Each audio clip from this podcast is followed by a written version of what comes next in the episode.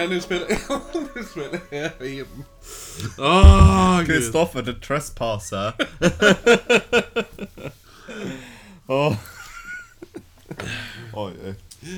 Ja, välkomna! Ni lyssnar på Oknytt. Det här är en norrländsk humorpodd där jag, Kristoffer Boodle Jonsson, sitter tillsammans med Marcus kommentarfältstrollet Österström. Eh, och dricker alkohol samtidigt som vi pratar om mystiska, makabra och rent utav märkliga historier. Eh, så vi sitter just nu i ett hotellrum i London och spelar in. Så jag tycker vi säger skål på det. Ja. Redan nu i början. Rätt hyfsad klirr. Åh, det här är alltså del två av Yorkshire Ripper ehm, avsnitten då. Så har man inte lyssnat på avsnitt ett så kan ni ju pausa podden och lyssna på det avsnittet. För det är ju jättedumt att börja på del två, kan jag tycka. Börja sluta. Ehm, vill man kolla på bilder, där... Alltså, inte vilka bilder som helst, utan bilder som vi lägger upp som har med det här avsnittet att göra. Då går man in på antingen vår Instagram som är atoknyttpodd, eller vår Facebook som är bara oknytt på Facebook. Eh, vill man eh, höra av sig till oss, då kan man kontakta oss via oknytt... Vad är det? oknyttpodd.gmail.com Allting stavas med ett D. Precis. Vill man ha mer avsnitt och mer extra material, då går man in på patreon.com oknytt och blir månadsgivare, så får man lite extra material där. Det är ganska mycket extra material. Ja, faktiskt. Det är, skö- vi la upp, bara idag la vi upp, eh, det är alltså måndag den 2 november. Då la vi upp eh, Karolika. Mm, har vi lagt upp idag. Ja, men eh, Boodles. Ska vi förklara Boodles? Ja, det var ju det roligaste Innan, innan, innan vi går, Så att inte folk bara, varför pratar de alltid om den här Boodles? eh, så vi, vi gick, vi har ju varit ute idag och vandrat omkring i London. Och då gick vi förbi den här, den fancy gatan där alla dyra märkeskläder låg. Kensington. Ja, kommer du ihåg vad den där uh, Italiano... Nej, jag glömde bort det. Ja, Ja. tyvärr. Paolo Men- Retti, eller något sånt där. Ja. Eh, jo, nej, jo, precis. Vi gick världen. Det är bara Hugo Boss och eh, Micke Kors. En Mikael Kors, ja. Ja, och eh, ja, Ralph, Ralph Lauren och all, alla de där ja, Ja. affärerna. Eh, Omega-klockor och... Plus en massa grejer man aldrig hört talas om. Nej, det var ju, en, det var ju första gången vi såg en affär där det var kö till. Ja. Och den hette typ bara 90 quid. Eller Ja. något sånt där det hette. Man bara, vad är det då? Eh, men det såg ut som värsta hipster. Det är så här, ja men ja. ja. Eh, nej men så att eh, då, då, då gick vi ju där och då en av de här affärerna hette då Boodles. Och direkt började du och jag Boodles!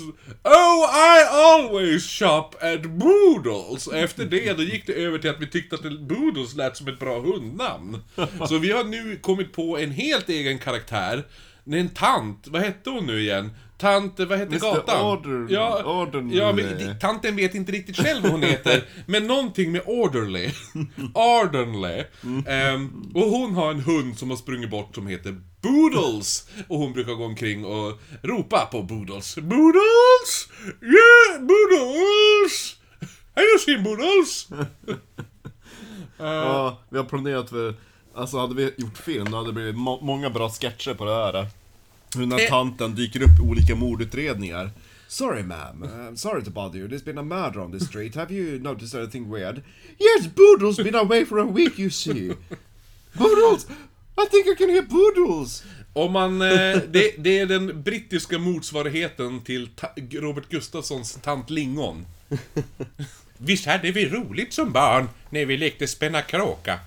Eh, det, det, är, det är den. Eh, I alla fall. Vi, så att ifall vi kommer att nämna Boodle så vet ni nu var, varför. och Hennes är. catchphrase är ju att varenda gång hon dyker upp, då kommer hon ju avbryta den hon pratar med. Shush! I think I can hear Boodles! Oh no, it was just a car. It was just an elderly lady having sex in the backseat of a taxi. Ja. Men tanken i vårt huvud är att Boodle ser ut som en bulldog Fast lite fluffigare och att allting typ så här hänger på honom ja, jo precis. Boodles Nej men, Så varenda hund vi mötte på vägen jo hem, alla vi bara Åh! Kan det där vara en Boodles? Det är bara He doesn't look good enough to socialize with our Boodles Nej, precis. Vi såg ju även en hund på puben där vi var. Ja, Som var, som vi sa, han suktar efter Boodles. ja, han hade somnat med örat, Örat i i sin vattenskålen, ja. Och ägaren var... Ägaren var den vackraste kvinnan vi har sett. I England Ja. Tror jag. Hon Och... var extremt rödhårig, såg ut ungefär som som sagt hon eh, You know nothing Jon Snow You know nothing Jon Snow. Ja. Ja. Och det ska ju vara en Yorkshire accent hon gör. Ja. I den. Jo. Så det är ju det är ju perfekt att vi såg henne En ikväll. Yorkshire, ja Ja. Eh, för Hennes vi... ragg såg ju inte ut som en Jon Snow däremot Nej, det gjorde han inte. Han såg ut att heta Lenny och jobba på eh, Martin och Servera. Ja. Eller Samhall. Eh, I alla fall. Yorkshire. Vi, vi ska ju tillbaka nu till The Yorkshire Rippet, Peter Sutcliffe. Ehm, där vi avslutar, alltså, eller innan jag går in så, informationen till det här avsnittet är ju till största del tagen från Gordon Burns bok Somebody's Husband, Somebody's Son. Om The Yorkshire Ripper. Eh, som vi nu ska prata om och eh, där vi avslutade förra veckan var att Peter successivt byggt upp ett hat mot kvinnlig promisku... promiskuositet? Vad säger man? Promiskuositet? De är ju utåt De, de är lite för busy Ja. Han gillar inte bjussiga kvinnor. Nej, Nej. inga bresa brännvin här inte Nej, inte som hon på puben. Nej. Hon, som, hon, gud hon bräsade på de där benen. Ja. Ja, hon satt där. Hon... Ja. Hon hade ju kjol på sig Nej, det gjorde hade hon. hade jeans på sig. Hade hon det? Ja, det hade hon. Jag kollade. eh, nej men så, eh, han har byggt ett hat mot det, mot promiskuösa kvinnor kan man väl säga. Och ett obehagligt skadeglädjande beteende. Där hans skratt inte uppskattades. Nej Vi kan väl eh, påminna lyssnarna om hur skrattet var. Det var ju när han tyckte något var hysteriskt roligt. Ja. Sen när han tyckte något var lite småroligt lät det mer...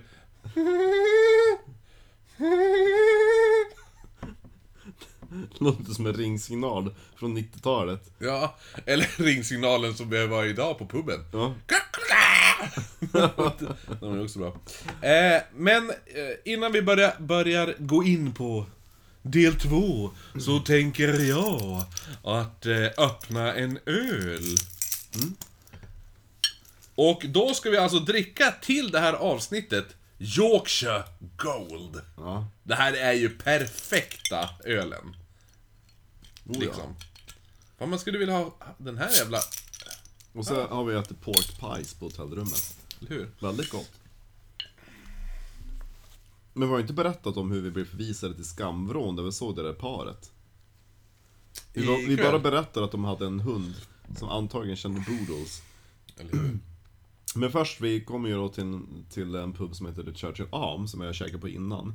Som har väldigt bra thaimat. Och eh, då när vi kom dit, då stod det på hemsidan, ja men köket stänger nio. Vi var där halv nio. Ja. Och de bara, ja men tyvärr, vi tog sista Vi orden. tog ju fan en Uber dit. Ja. Och vi bara, ja men vi tog sista orden alldeles nyss. Jag bara, men det står nio på hemsidan. Jo, och hon Bara- bara yeah, nine, no, no, not nine. Nej.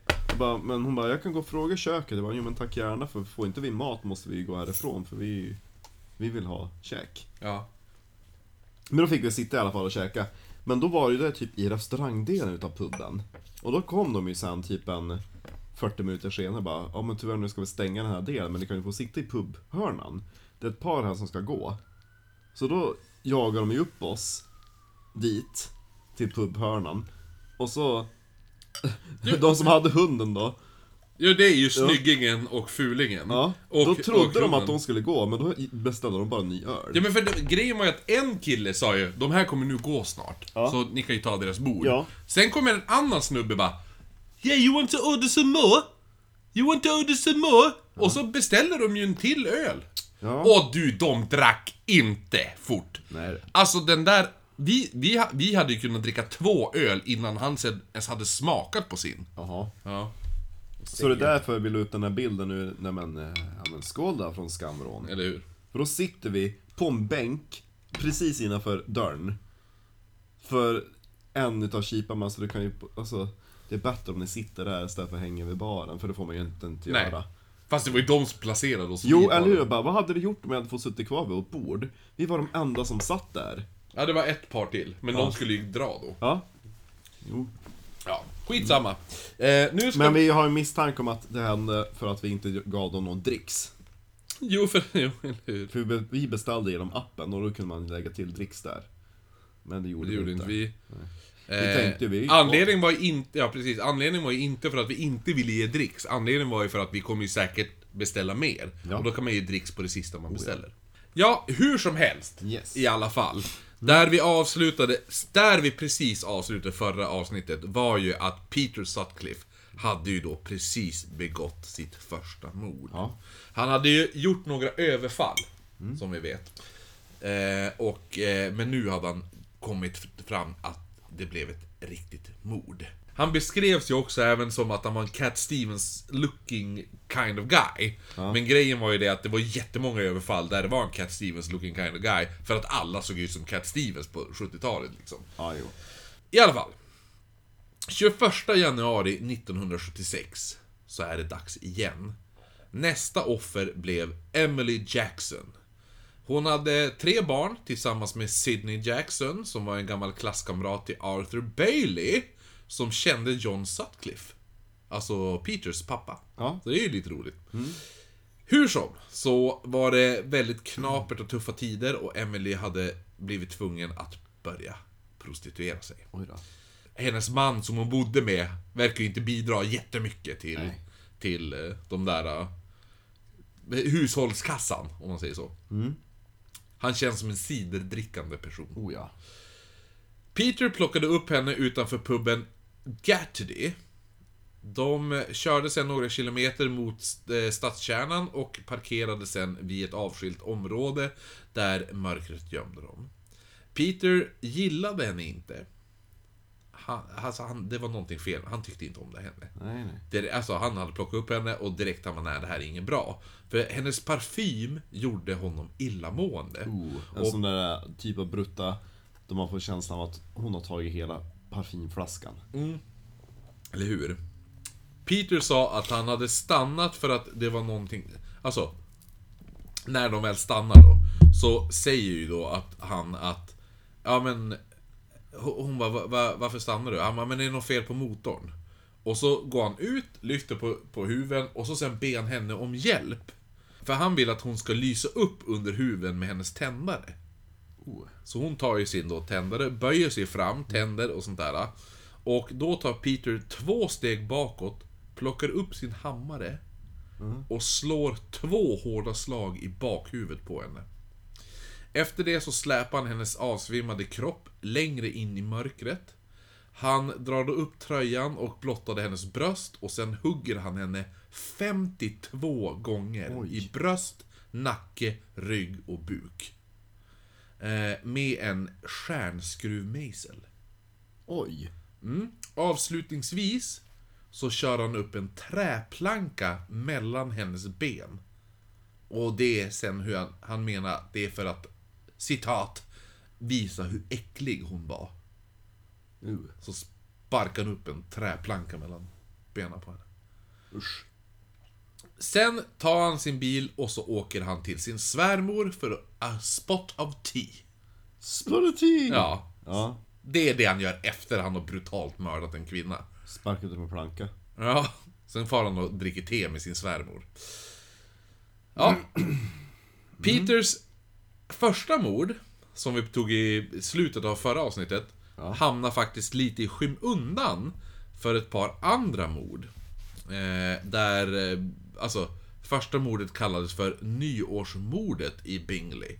Där 85-åriga Grace Adamson blir nedhuggen i sitt eget hem av den unge Mark Andrew Rowntree, som sen kom att hugga ihjäl en yngling i yngre tonåren, när det beskrivits om. Även en prostituerad kvinna Och för att inte lämna några vittnen så hugger han även ner hennes treåriga son. Men gud.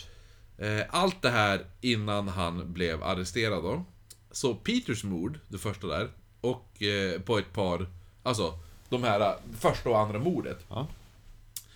Det, alltså, det är inget man orkar lägga energi på. Nej. Eftersom det, är en, det här är en vanlig sak inom mordutredningar när det kommer till prostituerade. Ja, det är typiskt. Ja, det är vad som kallas the lesser dead.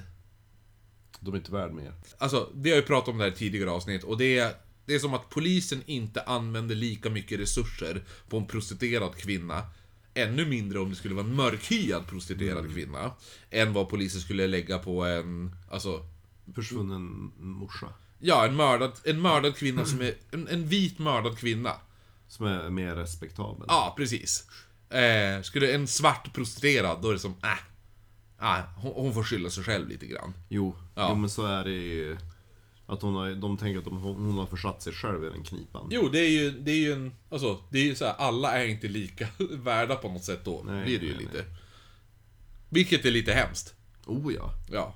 Eller lite hemskt är det väl kanske inte. Men i alla fall. Det är lite hur... Hur polisen skulle säga att hon är, citat, eller quote on quote, oskyldig. Ja. Inom citattecken där då. Eh, någonting som tidningen är också väldigt snabb på att nämna. Vilket vi kommer till snart. Eh, ett av Peters överfall, som också hamnade i skymundan, var på den mörkhyade och prostituerade Marcella Claxton. Som den 9 maj överlevde. Fast hon var tvungen att ha 50 stygn efter Peter hade slagit henne upprepade gånger med hammaren i huvudet. Herregud. Alltså att överleva hammarslag i huvudet. Ja. Fy fan. Jag vet en eh, riktigt obehaglig sån. I, det finns en eh, tv-serie som heter I survived. Ja. Där folk berättar om när de har blivit... Ö, ö, ö, och jag har två såna fall som jag kanske, vi kanske gör till Patreons faktiskt. Oh, ja.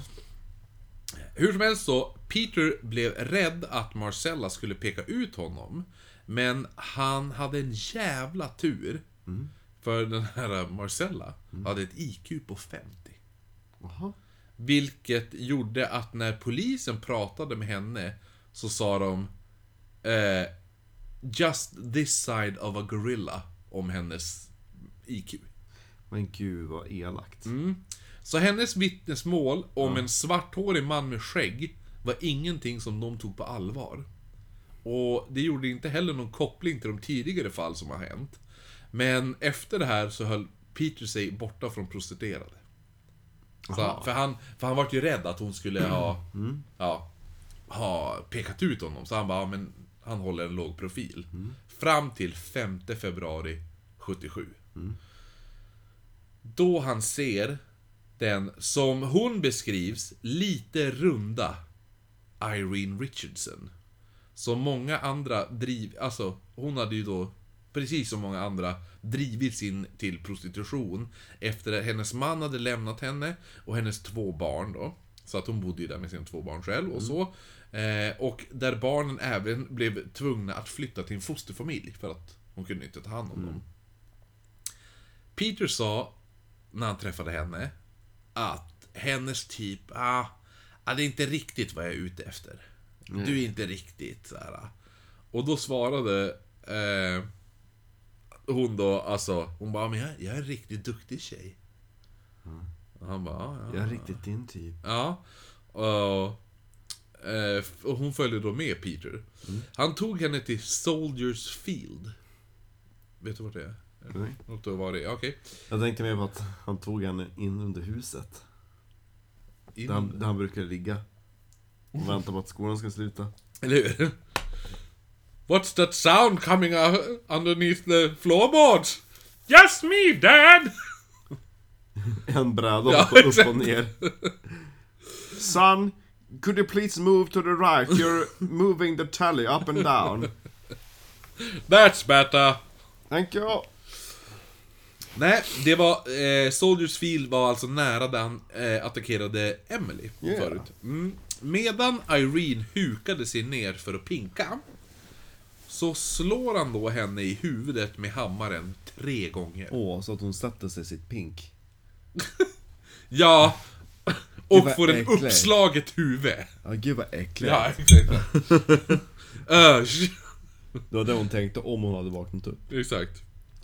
Hon hittades dagen efter liggandes på mage med I kjol... sitt eget pink. Ja, det, det var säkert dokumenterat. Ja. Men hon hade kjolen uppdragen. Ja, hon pinkar ju. Sko... Skorna var placerade på låren. Ja. Och man fann att hon hade blivit knivhuggen i halsen och i nacken. Plus att hon har fått buken uppsprättad. Så pass mycket att maginnehållet fallit ut. Oj då.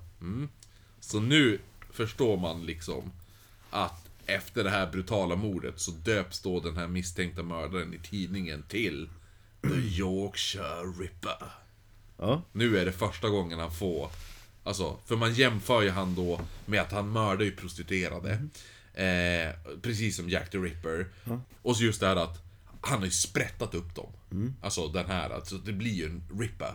Dock, dock har han ju hamrat de flesta. Ja. Vilket han också kommer att göra. Så att han borde ju egentligen kallas för The Yorkshire Hammer. Ja. Eller någonting. The Yorkshire Ja. Bira. Men det värsta var ju att eh, Peter hade ju bara börjat. Alltså det här året kommer bli mer mord liksom. Och mer hamrar. Eh, innan 1977 var slut så skulle han attackerat fem kvinnor varav tre kom att dö. Det här är enbart på ett år. Mordet på Irene Richardson var alltså det tredje mordet på prostituerad i Leedsområdet på mindre än fem månader. Det satte skräck i alla prostituerade i trakten och de började då antingen nu börja jobba i grupp. Eller... Grupp sex. Ja, nej men alltså att de, de håller koll på varandra lite. Ja. Och, eller så bytte de stad. Eh, rädslan hade dock inte spridit sig till Manningham. Ja. Är det någon, har du varit där? Nej, men jag känner igen det. Ja. Manningham. Och vid middagstid den 23 april träffades Peter och den nyskilda Patricia Tina Atkinson varandra. De träffade varandra. Hon var en kvinna som hade tappat vårdnaden om sina tre barn. Precis som förra. Och sen då vänt sig åt prostitution. Också precis som förra offret. Ja. Hon såg faktiskt rätt bra ut jämfört med många andra prostituerade vid den här tiden. Ja.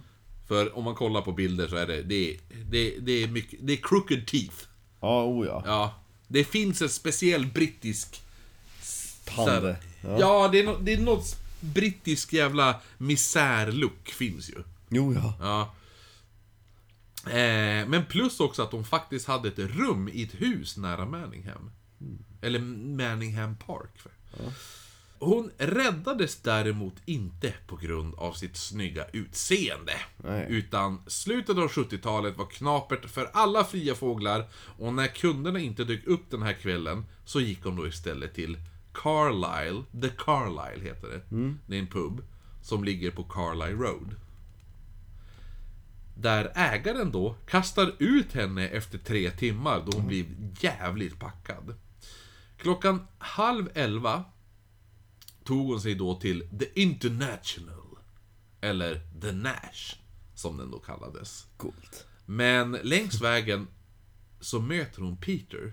Ja. Och hon tog då tillfället i akt, hoppade in i hans bil. Hon förklarade vägen för att ta sig till hennes ställe. Trodde att Peter, hon skulle fråga, gillar du fetta? ja det var ju det, det är därför hon hoppade in i bilen. Ja. Ja, för hon, hon bara, ja men jag har ett eget ställe, vi kan åka hem till mig och knulla. Ja. Liksom. Och så kan du ge mig en femma för besväret. Ja, det är det. Ja. Så hon börjar ge vägbeskrivningarna. Ja. De anländer till Jag huset. tänker det också, är man prostituerad, då tänker man ändå att Ja men han ser ganska bra ut, han kan ju ändå vara ganska kul att ligga med. Ja, Istället för typ såhär, bli alkis. Jo, eller hur? Jo, exakt. Peter var ju såg ändå. Ja, Alltså, eller hur? Då i- tänker man ju, han kanske... Han kanske blir lite... Det kan ju bli kul för mig också. Ja, eller hur? Ja, Det blir ett gott minne. ja, eller hur? Som, för att bryta av alla dåliga minnen. Jo men eller hur, liksom bara, ja, jo. De anlände då till huset och Irene öppnade dörren åt Peter. Det är lite grann som på i Jack the Ripper grejen att, att när de blev, de blev courted. Ja, Utav- jo, eller hur? Ja. Ja. Att de får en som betalar... Alltså... Ja men hur, innan man gick och knullade, om man hade tur, då fick man ju mat och att man gick och låtsas typ att man höll på att dejta. Jo, eller hur? Ja. Kunde få en liten bonnet eller någonting. Exakt. Fan, det är det vi... Det, vi ska inte kolla på hattar imorgon, vi ska kolla på bonnets. Ja. De anländer alltså då till huset och Irene öppnar dörren åt Peter. Ja. Hon satte sig ganska direkt på sängen. Huk. Nej, ja, jo, nej. Och på sängen då, och medan hon börjar klä av sig så kommer Peter upp bakom henne. Jaha. Den här gången med en sån här standard kofotshammare. Åh nej. Du vet, eh, du vet de Ja, här man drar ut spikarna med. ja, Ja. Med den här hammaren slår han henne fyra gånger i huvudet. Hmm. Och växlade mellan sidorna. Så han slår Nej. både med hammarsidan och kofotssidan Oh. i huvudet på henne. När han sen fortsatte då, alltså, med, alltså, han fort, alltså fyra gånger huvudet. Sen fortsätter han mata slag Ja. i kroppen på henne. Medan han varvar Ja. med sidorna. Efter det här så började han nu hugga henne med en kniv. Och när han var klar så kastade han ett täcke över henne. Och medan han gick kunde han höra hennes gurglande ljud. Från under täcket. Alltså, hon bara låg och gurglade blod typ. Ja. Så, Ja. ja. ja! Men han var inte oroad över att hon skulle överleva. Nej, det kan man ju Mm. fatta. På vägen hem så valde han att dumpa hammaren. Så han kastade ut den genom fönstret på bilen. Alltså, inte genom fönstret, utan alltså, han hade ju vevat ner Ja, fönstret jo. och sen kastade han ut det. Eh, hammaren hittades efter 36 timmar av vaktmästaren för firman Harrisons Printers. Ja. Och användes av honom i jobbet de kommande tre åren. Oj. Han hittade en hammare på han bara hemma? Great! Och så sen använde han den på, i jobbet i, under tre år. Sjukt. Men hur, man, hur visste man att det var den? Men eh, han kom in med den sen. Efter, Tre år. Ja, jag tror det. Ja, jo. Nu, i alla fall, så hade Sonja pluggat färdigt. För du kommer ihåg att hon pluggade till lärare. Men hon fick ju lite mental breakdown där ett tag. Men hon fortsatte studierna och nu är hon då alltså klar till lärare då. Och skulle snart börja jobba som det och paret kände nu att det var dags att investera i ett hus. Så lördagen den 25 juni åker Peter och Sonja för att kolla på ett hus tillsammans med Sonjas mamma. Ja. Huset låg i Heaton, norr om Manningham Park. Alltså där han nyss hade mördat en kvinna. Med en bräda. Ja. De tittade runt och verkade rätt nöjda. Efteråt så släppte han av Sonja på hennes jobb. Eh, som hon hade då, in, alltså inte som lärare utan hon jobbade nu som eh, på Sherrington Nursing Home. Ja. Ja. Eh, Ålderdomshem. Ja, precis. Han passade även på att plocka upp deras grannar, bröderna Ronnie och David Barker. Som Peter brukade ta en och annan pint med och ljuga om hur han brukar ligga med prostituerade utan att betala. Ja, just det. Ja, det var hans standard liksom. Ja, det är kul. Han sa att han, han, han, var- han sa att han, brukar, han var så jävla bra på att knulla. Att de här äh, prostituerade, eller fria fåglarna, Ladies of the Night, eh, de, de tyckte han var så jävla bra så de bjöd på ligget. Brukar han säga. Ja. Även rätt kul också att läsa beskrivningen av Ronnie Barker som beskrivs som ha ett lazy eye Ja. och ett överaktivt öga. Så ena, Ena- ena är lazy, det andra är overactive. Vilken, vilken brutta. Nej, va? Nej, det är Ronnie. Och Jaha, det är en man. Tänkte Conny. Jaha, nej. Peter och de här två bröderna åker då ut på en pubrunda runt centrala Bradford och avslutar kvällen på ett disco slash gayklubb som heter The Dog in the Pound. Åh, där har jag inte varit. Där- Vi, hade, vi hade Candy och The Sun. Ja, nej, här var Dog in the Pound, där var bartendern transvestit också. Vi hade ju alltid en, eh, en dragqueen som eh, DJ. Jaha, ja, ja. Och Dog in the Pound transar som bartender. Ja. Ja. En annan som också var ute på stan den här kvällen, det var 16-åriga Jane McDonald. Hon brukar ofta gå på rullskridskodiskon. Oj, vad festligt. Eh, då, när hon skulle ut då på stan. Den kombinationen med disco och rullskridskor och så sprit, tänker jag. Ja, fast hon är lyckad. 16. Jag tror inte... Ja, eller kanske. Rullskridsko-disco. Rullskridsko-disco. Gud vad fötter ska ha vrickats. Ja, jo, verkligen. Nej, men så ofta brukar hon fara dit om hon ska ut på stan, men den här kvällen skulle hon ställa till Astoria Ballroom. Aha. Dock ändrade hon sig i sista minuten och valde att mö- möta upp några vänner på Hofbrauhaus, Ja, som var en tysk bierkeller, ja, eller ölkällare. Ja. Eh, där träffade hon den 18-åriga killen som hette Mark Jones. Som följde henne då efter. Ja. Alltså efter de lämnat puben då. Eller, va- eller Stället. ölkällare, ölkällaren där. Så gick de eh, tillsammans och köpte lite fish and chips senare på kvällen då. Hon missade då sista bussen hem. Men Mick sa att ja, men min, min syster, hon kanske kan skjutsa. Ja. Så då gick de mot, alltså, hem mot hon- han då. ja. Det visade sig att den här systern inte var hemma, men Jane hon sa att ja, men det är okej. Jag, jag ringer efter en taxi. ja.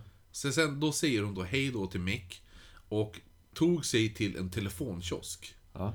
Tyvärr så svarade inte taxibolaget då hon Åh, ringde. nej. Och hon började då istället för att promenera hem. Oj. Hur långt var det då, typ? Ja, det är långt. Nej. Jo, det är, det är, det är Umeå-Holmsund. Oj, jävlar. Och det är då Peter Sutcliffe får syn på henne. Gud vad synd.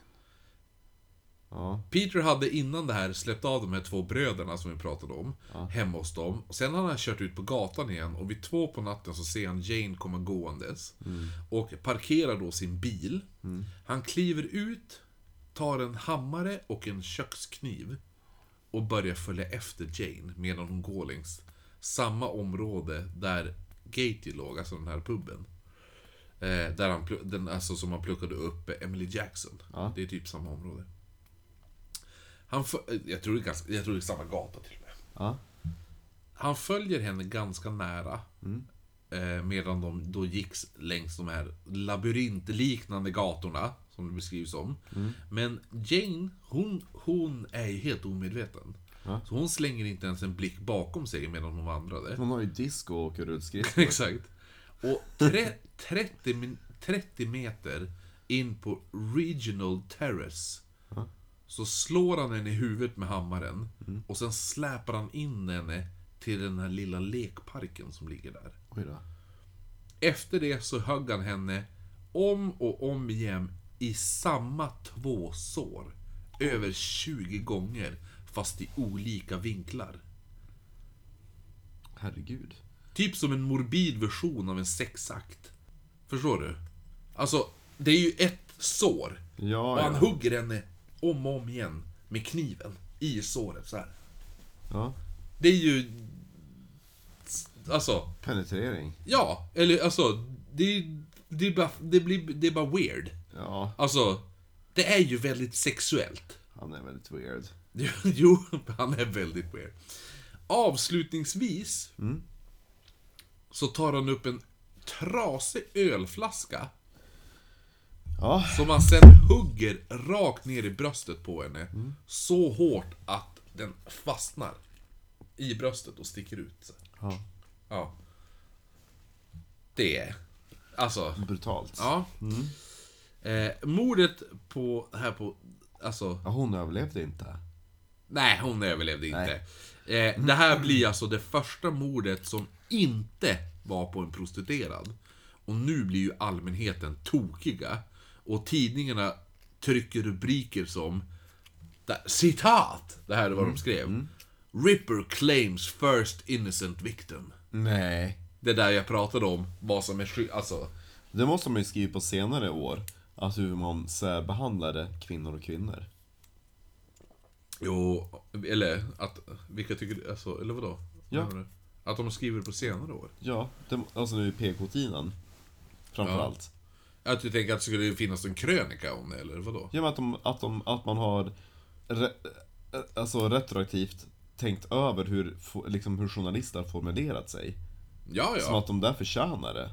De Jo men eller hur? Det det jag säger. Det Ja är, men går man runt med främmande män, då är det klart man förtjänar att bli nedstucken. jo, men det är ju lite, det är ju lite den här attityden till Ah, ja, men hur var hon klädd då? Ja. Ja. Men det är samma grej med typ såhär med bögar, va? men går på en grinder-date som du inte har träffat innan, det är klart. Då får du förvänta dig att bli drogad och våldtagen och dödad. Ja. Jo, eller hur? Ja. Ja. Nej men, jo men det, det är ju lite den här, ja men som jag sa. Mm. Ja men, hon måste ju ändå tänka på hur hon betedde sig. Ja. Ja. Som, vad heter han som var... Ja just Daniel. det, ja, nej, ja, exakt. Daniel. Jo, när han bara Ja men alltså, jag bara, men om din dotter skulle bli våldtagen Ja. när hon är tonåring. Mm. Vad skulle du säga då? Ja, först skulle jag ju fråga hur hon betedde sig. Och hur var han klädd? Ja, man bara, du är ju sjuk i huvudet. Ja, han var sjuk. Ja, i alla fall. Ska inte gå under samma tak som han igen. Även Nu polisen... går jag ut och går en promenad. Ja, jo, det, det var en bra promenad. Även polisen reagerade hårt på det här, i alla fall. Och s- Det alltså... var Att, okej när det var horor, men alltså det här är inte okej. ja, men det är det jag säger. Det är ju the lesser dead. Jo, det är det jag Ja. menar. Jo. Ja, det, det funkar ju så länge man hör sig till dem, men alltså Ja. det här, för fan. Så de sätter, de sätter nu, när en 16-årig oskyldig, citat, oskyldig flicka. Hon var ju oskyldig. Ja. Så sätter man då in mer resurser och polischef Jim Hobson kom på idén med att sätta in kvinnliga poliser som undercover i Chapeltown. En bra idé, men dessvärre gav det ingenting. Nej. Saken var den att systemet också att jämföra vittnesmål mellan morden och överfall var så extremt dålig att poliserna själva inte ens visste om vad man skulle jämföra med. Och mellan vilka mord. Förstår du? Ja. Alltså att de, de, de får ju in vittnesmål och de får in alltihopa. Men de tar ju in jättemycket hela tiden. Så de vet ju till slut inte riktigt vad de ska... Ja, där är ett överfall, och där är ett överfall, och där är ett överfall. Så tar de in alla vittnesmål på alla överfall i hela jävla världen ungefär. Ja. Så att de kan ju som inte sys- systematiskt sålla Sortera ut någonting, nej. börja sålla ut blir, ja. Irene Richardsons mord utreddes först, fortfarande då. Det utreds ju nu som ett separat fall. Jaha. När, alltså mordet efter Irene skedde. Och då satte man ju då alltså en ny person och utreda det nya mordet. Ja. Så alla mord som The Yorkshire Ripper utförde hade ju en egen utredare. Hänger du med?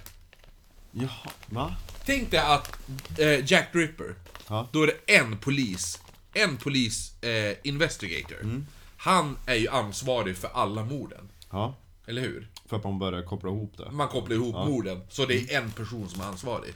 Yorkshire Ripper, då är det en, en person som är chefsutredare för varje separat mord. Och de har ingen kontakt med varandra. Så att du kan ju tänka dig hur... Ju mer kockar desto sämre soppa. Ja, eller hur? Verkligen. Oj, ska de knulla nu här bredvid? Eh, Poodles! Ja, nej men så att man hade alltså till slut flera separata utredningar av separata poliser som inte jämförde varandras utredningar. Nej. Det är där vi är. Och när de väl jämförde eller tog vittnesmål så var det så kopiösa mängder så de ku- kunde alltså inte sålla bort en sak då. Så allt lades ju bara i kö för att ta itu med sen. Att bara, ja, ja, ja, ja. Ja, det är ett vittnesmål. Ja, lägg det på högen. Ja, ett till Utan det är så här, de kollar inte ens igenom det. Utan de lägger allting Ja. bara på hög. För att gå igenom det sen. Men högarna bara växer och växer. Plus att det samtidigt, eh, alltså, var att få tag, alltså på vittnen, var ju jättesvårt. Då folk inte ens ville medge att de vistas i områden där prostituerade var, alltså väldigt Ja, förekommande. det. Eh, för då måste ju de svara på varför de ens var vid det här området. Det är som, ja jo, nej jag var ute och strosade runt där i parken. så här, I was looking for a boodle! Have you seen him now? Shush! I think I can hear him. Oh, was just a prostitute being beaten to death with a hammer. Men någonting var ju tvungen att göras och West Yorkshire polischef Ronald Gregory anlitade då sin bästa utredare för att ta itu med saken. Han heter George Oldfield och han sätter igång med The Special Homicide Investigation Team. Ja. Eller vad som det då blev mer känt som. Special Homicide Investigation Team. Shit. The Shit Squad! Ja. Ja. Eh, hur som helst så. Ja, så att det, det var döpt i The Shit Squad med eh, förståelig anledning också. Shit Creek och Shit Squad. Men... Shit, ja, shit Squad. Ja. Först ska vi prata om kvällen den 9 juli. Då Peter än en gång släppte av de här bröderna Barker där. Den här gången efter en tråkig utekväll. Efter det så kör han då omkring på gatorna tills han får syn på Maureen Long. Han såg henne komma ut från Tiffany's i en lång svart klänning och klockan var två på natten. Peter följde efter henne medan hon gick mot Holstergate vart det nu är. Maureen var gammal i gamet och hade även en av sina döttrar på gatan. Mor och dotter-grej där. Ja. Ehm, hon hade inga problem att hoppa in i en främlingsbil i alla fall. Nej. Vilket var då det hon gjorde istället för att ta en taxi. Ja. Peter erbjuder alltså skjuts hem och de kör tills hon bad honom stanna en bit från hennes hus. Då hon frågade om Peter var sugen på någonting extra. Ja. Och Peter han, han nickade. Hon sprang då tvärt in i huset för att kolla om någon var hemma. Där de bodde då. Eh, det var folk hemma där, så när de inte kunde ta huset så visade hon då Peter till en övergiven bit mark. De kliver ut ur bilen och Maureen sprang tvärt, i, tvärt och Maureen sprang tvärt iväg för att pinka. Ja. Hon hukade sig ner och Peter kommer då upp till henne, slår henne med hammaren och sen börjar han ju igen hugga henne med kniven. Tills han var övertygad om att hon var död. Där börjar Investigators också bara, ja, jag har sett samband, de hittar sig sitt eget piss. Det är mycket pinka i det här. jo, verkligen. Dagen efter så får Peter en chock när han läser i tidningen om att eh, ett av The Yorkshire Ripper-offren överlevt. Va? Och har även lämnat en beskrivning på den som överföll henne. Oj då. Saken var den att beskrivningen hon lämnade stämde inte överens med Peter. Åh, vilken tur. Hon sa att det var en man på cirka 36 år. Ja. Hade stora händer och var 1,80 cm och hade blont hår. Ja. Och det enda som egentligen stämde var att han hade, en- alltså hon, hon sa att han körde en vit Ford. Fast, alltså, det var inte ens det, alltså hon uppgav även fel modell. Hon sa typ en Ford Concord och så var det en Ford Cordia eller något sånt där. Ja. Eh, däremot då så skruvar han ändå isär den här bilen och bytte ut de fungerande delarna till en röd Ford som han nu köpte. Så han köpte en icke-fungerande röd Ford och så bytte han ut alla delar så den röda Forden fungerade. Ja. Så i princip så hade man en beskrivning på en helt annan person än Peter Sutcliffe. Han flyttade efter det här till Six Garden Lane i Heaton, där han och Sonja snabbt blev grannarnas favoritskvaller. Då de inte riktigt passade in med resterande människor i grannskapet. Peter älskade även att imitera ena grannen som alla tyckte var jätterolig. Alltså, eller att Peter var jätterolig när han gjorde det, inte att grannen var rolig. Eh, Peter brukar imitera familjemedlemmar faktiskt. Så han var typ klassens clown i familjen lite. och. Eh, han brukar imitera hans pappas dans. Och Micks gångstil var också, gick också hem. Och eh, nu börjar även Sonja få ett intresse av att dreja lerkrukor. Eh, hon, som hon även dekorerade huset med. Alltså, så det var fullt med hemmagjorda lerkrukor som hon hade målat. Eh, de flesta var grön. Vilket hon insisterade att alla som kom till huset skulle bedöma. Eh, Peter brukade själv håna dem bakom hennes rygg, men pappan John Sutcliffe, han uppskattade dem tydligen, tyckte de var jättefina. På en middag den 7 oktober 1977 hade hon frågat alla vad, vad de tyckte, och John hade sagt att det var en blandning av krukmakeri och The bloke with the stuff with the holes, hade han sagt. Och då menade han skulptören Henry Moore. Aha. Ja. Efter det här, i alla fall, så skjuts, den här kvällen då. Så skjutsade han, Peter då hem föräldrarna. Och sen åkte han till centra, centrala Bradford kring midnatt. Och han körde längs, längs Manchester Road. Till den plats han veckan innan hade mördat Gene Scott Jordan. Det här hände alltså då den 1 oktober. Ja. Alltså mordet på Gene Scott Jordan. Och det var att Peter åkte mot The Red Light District i Manchester, där han stannar då vid Jean. Hon var på väg in i en annan bil, men väljer att byta till Peters. Jo. Du ser ju ut som Cat Stevens. Ja, vilket då kommer kosta henne livet. Oh. De åkte sen längs Princess Road till en öde plats vid ett gammalt trasigt växthus Ja. nära en kyrkogård som var populärt bland Sexigt. fria fåglar. De åkte då alltså längs Princess Road till en öde plats vid ett gammalt trasigt växthus nära en kyrkogård som var populärt bland de här fria fåglarna då. Där slår han henne i huvudet med en hammare som förra ägaren till Peters nya hus hade lämnat kvar i hans garage. Vad gott det var. Ja, att han slog henne i huvudet. Vi dricker alltså en Christmas gin. Det här var gott. Ja, det var Christmassy. Så att han har ju flyttat in Ja. i ett nytt hus. Ta Förra en ägaren lämnade kvar en hammare. Ja. Men Jean lät och stönade. Mm. Jag tror inte hon lät riktigt så när han slog henne i huvudet med en hammare. No. Eh, så det han gör är att han fortsätter slå henne med hammaren i huvudet tills hon är tyst. Mm. Det tog 11 slag. Ja. Ja. Så här lät det. Alltså förstår... No. No. Men förstår du hur hennes huvud måste ha sett ut? 11 slag med en hammare i huvudet. Ja du. Då är ändå varje hål så här. Fatta 11 såna här hål i huvudet. Det är mycket så Det är helt sjukt alltså. Ja, oh, gud ja.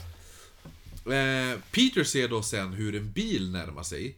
Så han släpar då in Jean i ett buskage och åker, och åker därefter hem. Så han släpar in henne och gömmer henne i buskaget. Mm. Men då hade hon bara blivit tyst. Ja, kanske levde. han var ju ganska säker på att han skulle läsa om det här i tidningen.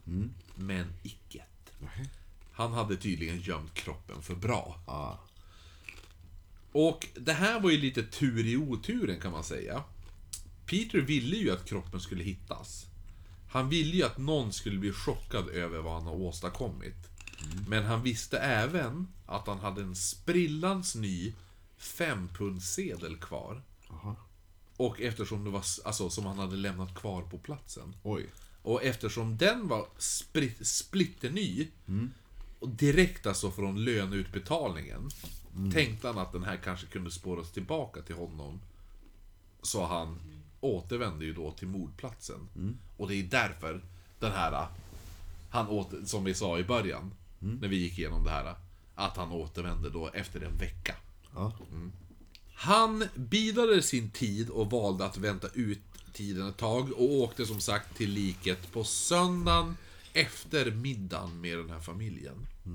Och när han kom in till det här buskaget där han hade gömt hennes lik så fann han då hennes kropp liggandes ruttnandes och började då genast leta efter den här fempundsedeln.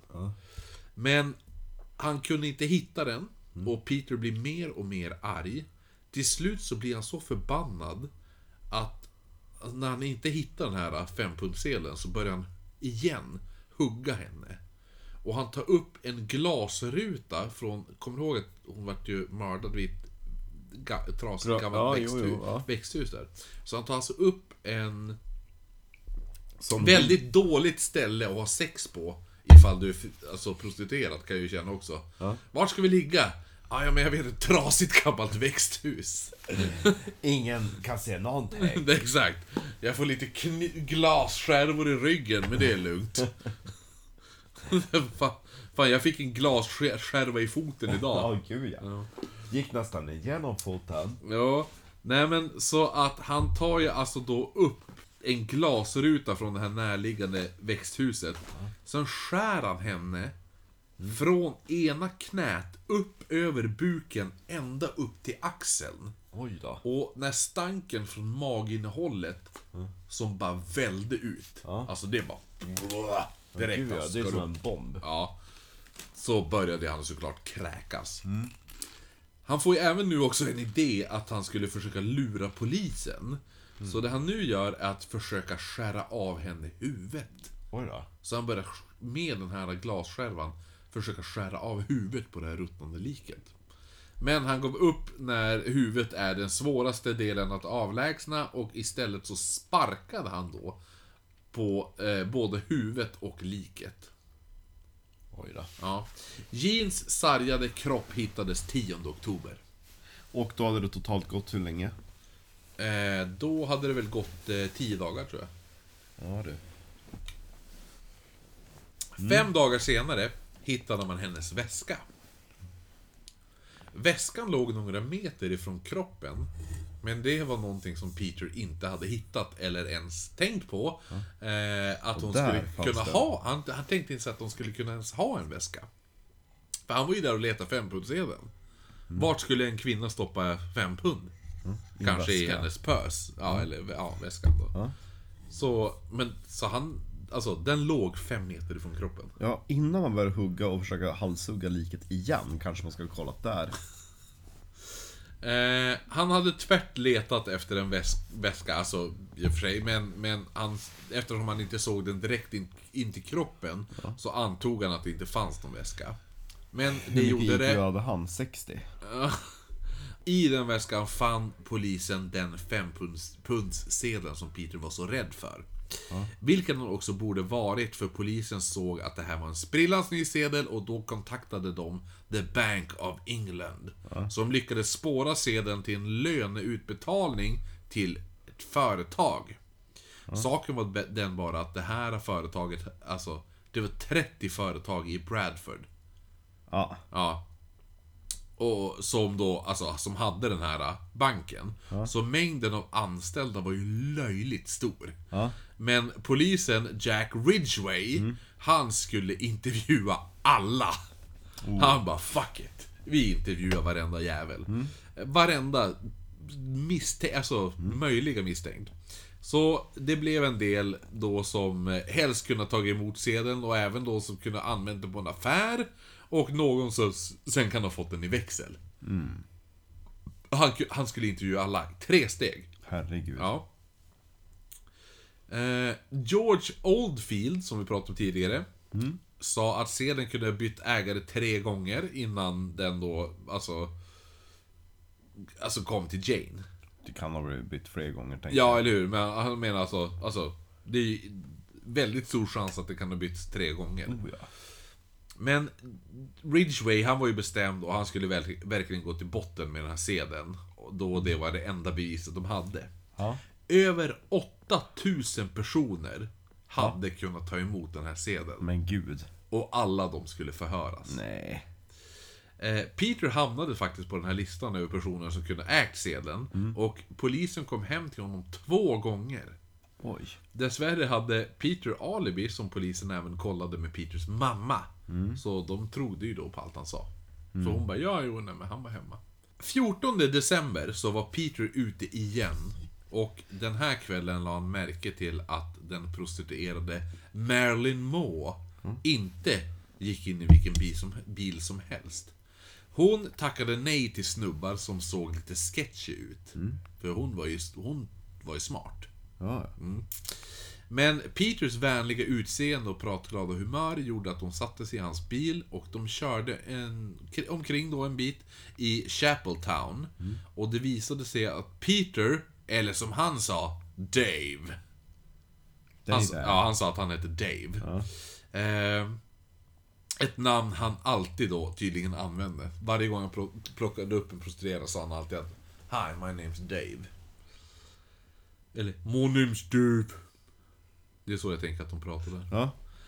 Håller de på att knulla här nu i rummet bredvid? Nej, jag tror inte det.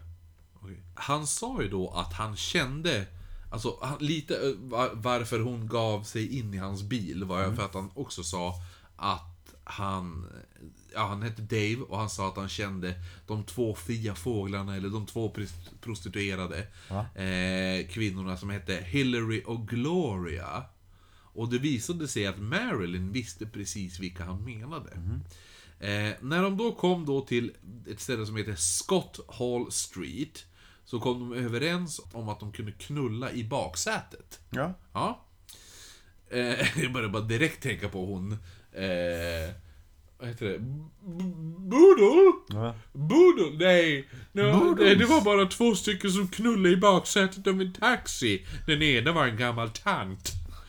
eh, nej men, så att när de då kliver ut ur bilen för att byta till baksätet, för det var det de hade kommit överens om. Ja, ja, men ska vi ligga? Ja, men vi kan knulla i baksätet. Ja, ja, men då går vi och sätter oss där. Eller lägger oss där.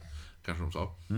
Eh, så då, när hon kommer till sin dörr så var bakdörren låst. När hon skulle försöka öppna bak, bakdörren. Peter, han sa ju då att ja, men jag, jag kan öppna dörren åt dig. Så, sam, ja, ja, så samtidigt som han öppnar dörren åt henne så greppar han då tag om sin hammare. Åh nej. Och sen svingar han allt han kan. Men, men, Ja. han halkar. Oj. Och, för det är lera där de står. Så han halkar i leran och han får till en dålig träff. Och hon tar sig ju för huvudet. Då, hon, det blir en sån här typ... Alltså... Sn, alltså Glancing blow. precis. Ja. Bara Toucha. toucha henne i huvudet. Ja. En tusch, som min pappa skulle ha sagt. Ja. Tuscha. Toucha. Ja. Han säger inte toucha, Toucha. han säger tusch. Tuscha! Ja. Och hon börjar ju skrika som fan. Vad fan gör det? Peter kom, alltså han kom ju upp på benen efter han har halkat. Han ställer sig upp och så säger han Citat! Dirty prostitute bitch! Ja. Sa han till henne. Ja. Sen slår han henne om och om igen. Medan Marilyn slut, alltså hon slutar ju inte skrika. Så han bara fortsätter att mata de här slagen. Och nu börjar även en hund skälla. Boodles. Ja, Boodle!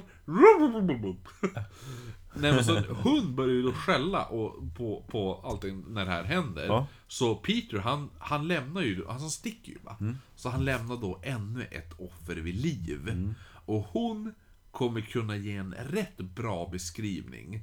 Även om det, alltså på Peter, även om det, det, det, det hon gav ju också Cat Stevens beskrivningen där. Ja. Men lite mer detaljerad. Ja. Peter och Sonja, hans fru då, eh, var ju lite speciella enligt släkt och vänner som vi har kommit fram till. Eh, de vägrade ha på värmen i huset, bland annat. Ja. Och när de fick besök kring jul av Peters familj så ville John Sutcliffe starta elden. Alltså, för de hade ju en sån här öppen kamin typ. Ja.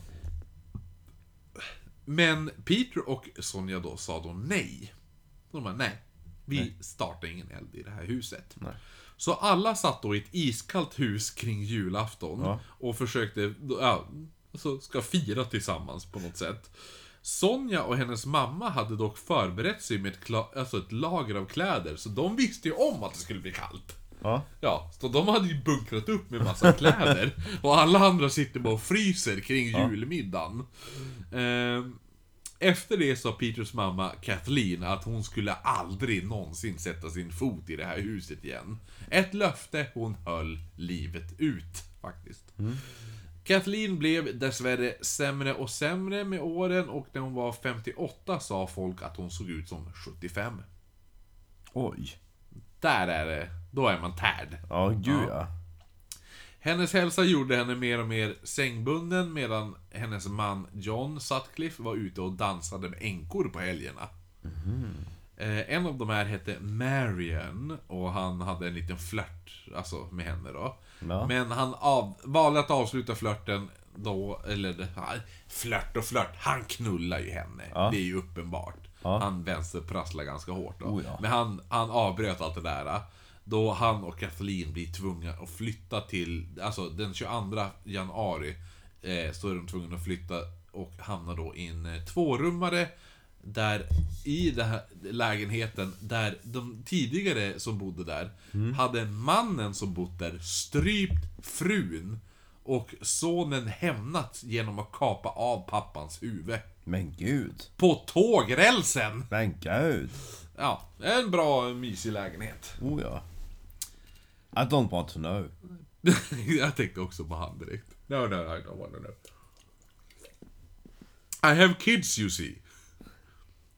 Peter hjälpte till med massor med den här flytten och 21 januari 1978 släppte då Peter av Mick och John efter en hel dag av flyttande. Eh, de ville ju då få ett par öl, men Peter tackade nej. Han skulle då hem till Sonja, sa han. Sonny. Dock Och kör, Cher. ja, dock kör Peter inte hem, Nej. utan han kör mot Heaton och rullade sakta längs Lum Lane. Och var faktiskt nära på att krocka med, med, alltså, med en bil, men han hinner bromsa i tid.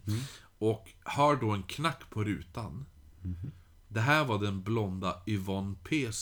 Hello. Som redan hade två domar för prostitution i bagaget. Ja. Ja, I, I sin bil. Ja, i i sin bil ja. Ja. Exakt. Nej men hon, hon har ju varit dömd tidigare för Ja. prostitution. Så att, ja. eh, och hon skulle faktiskt upp i rätten för en tredje. Alltså, Oj då. ja. När hon då träffade Peter så sa hon A fiver for a good time, a tenner for a real good time. Oh. Peter hade bara fem, fem pund på sig, så hon, ja, hon ryckte mest på axlarna och var glad att han hade pengar. Ja. Efter det här så körde de då till en ödemark. Nära eh, John Sutcliffes jobb faktiskt. Eh, Peter slår där henne med en stensättarhammare. Ja. Vet du vad det är för sorts hammare? Ja. En Det sten... är ju alltså Stonemasons har Ja. en väldigt bred. Som man använder för att typ såhär klicka ner. Ja, jo Sten. precis. Ja, men kullerstens... Eh, Ja, slå ner eller tegelstenar. Ja, precis. Den är lite spetsig i baken. Brukar det vara. Den är väldigt bred fram Ja, bred. Ja, det är lite som en slägga med en spets där bak. I alla fall. Han slår henne med en sån hammare i huvudet. Men såg då en Bil bil som komma. slutar stöna. Va? Ja. Men han ser då en bil komma och lyckas tysta henne genom att stoppa in hästhår i munnen på henne. Uh, Från stoppningen från en övergiven gammal soffa som låg där de var. oj då. Efter bilarna kört förbi... Fräscht. Ja, efter bilarna kört förbi, kört förbi så sliter han upp hennes kläder så de blottade hennes bröst. Och sen börjar han bara sparka henne om och om igen i både huvudet och kroppen. Han ställer sig sen över henne med båda sina fötter och tar ett stort hopp och krossar bröstkorgen nej. på Yvonne. Det är ett dödande hopp. Axel von Köttfarsan. Verkligen. En riktig Axel von Köttfärsen Ja. där. När han var klar med henne välte han den här gamla soffan som han hade tagit hästhåret från. Han välte det över hennes kropp. Där hon kom att ligga i två månader innan man ens hittade Ingen henne. kollar på soffan. Nej, det är bara en övergiven alltså, Soffa. skräpplats typ såhär. Alltså, det är ingen... Oj då. Ingen ens kollar. Dagen efter mordet köpte han en present till sin mamma som fyllde år. En presenning. en present? Nej, han fyllde en, en present till sin mamma Kathleen som fyllde år. Och gjorde de sista lasten för flytten. Men det tog inte länge tills Kathleen sa Citat! I don't think I'll be here much longer. Oj då. Och hon kom sen att dö den 8 november 1978. Åh. Och i Gordon Burns bok, som vi har tagit informationen härifrån, så nämns en kuslig grej. Jaha. En sak som tydligen ska ha skett samma kväll efter, alltså kvällen efter Kathleen hade dött, var när syskonen skulle äta, så hade alla sett hur en av tallrikarna började sväva av sig själv, bara i några sekunder. Den, det här är den enda spöklika saken som kommer vara med i, i, i det här avsnittet. Ja, ja. Men de satt alltså, dagen efter deras mamma hade dött, så sitter de och äter och så ser de hur en av tallrikarna börjar tvärt lyftas. Och sen, ja. Så Peters nästa offer, offer var en person som han tydligen ska ha stött på tidigare. Eh, det var en av tvillingarna Rita och Hel Helen Rytka. Oj. Eh, Rytka, Rytka-tvillingarna var döt- döttrar till en... Eh, Pratade de som de där tvillingarna? I spelet? Ja, just ja. Jo, precis. I say, everything was very fine until we went outside and then we just took a stroll down Kensington Gardens. Hmm. we must stop finishing each other's sentences. Oh, ja, nej. Eh, De var döttrar till en italiensk mor och en västindisk far som tydligen hade en väldigt mörk hu- hudton. Ja. Eh, De beskrevs som att vara smala och ha vackra drag. De var båda 18 år och hade tydligen ett eget system för torskar. Ja, Alltså ja. Johns. Ja. Eh, de som köpte sex helt enkelt. Ja. Lite... Torsk på. Tallinn. Paolo Roberto. Ja.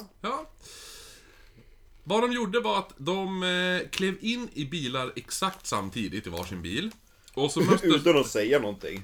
exakt, och möttes upp senare på en bestämd plats med en bufferttid på 20 minuter.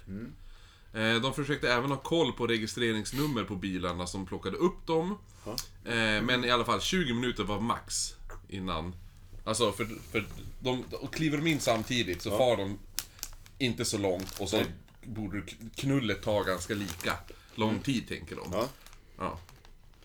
Eh, och så sen tillbaka. Så längre än så, då kunde man, då skulle de anta att någonting hade hänt med den andra. Om det tog längre än 20 minuter. Ja. De jobbade i Huddersfield och var bekant med Ronnie och David Barker. Vilket är alltså anledningen varför Peter har mött dem tidigare. För det var ju de han hängde med. Alltså Sonjas gamla grannar där. Han som hade så dålig humor. Nej, det var... Nej. Nej, utan... Det Eh, var, det var nog med någon morsa. ja, det var ju vid Keith Sudgen, eller? Ja. Ja, skitsamma. Ja. Eh, tio dagar efter mordet på Yvonne P- Peterson så hade tvillingarna eh, båda klivit in i varsin bil. Helen, eller Elaine som hon egentligen hette, Elaine, eh, var först med att hitta en, en Paolo Roberto-karaktär. Vad, han som få, få, prostituerade fåglar, vad är torskarna då? Fågelholk. Ja, Nej, det är fackförbundet. det är fackförbundet. Ehm, träd. En kvist. Exakt. Kvistar. Ja, kvistar. Pinne. Sittpinne. Sittpinne. Ja.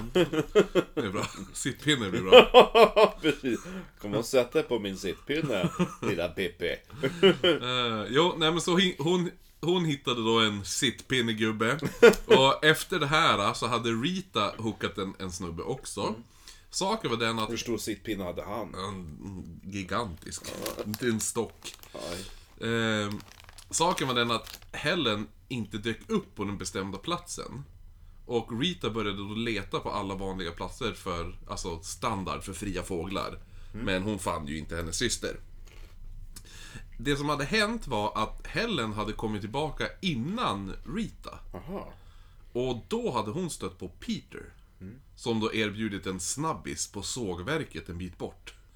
Men, eh, alltså, för han menade det. Hon bara, nej men alltså jag, vi, vi har ett Alltså- system, jag och min syster, vi har ett system, jag måste vänta på henne. Nej men det är klart du hinner med en snabbis med mig innan, innan din syster där. Mm.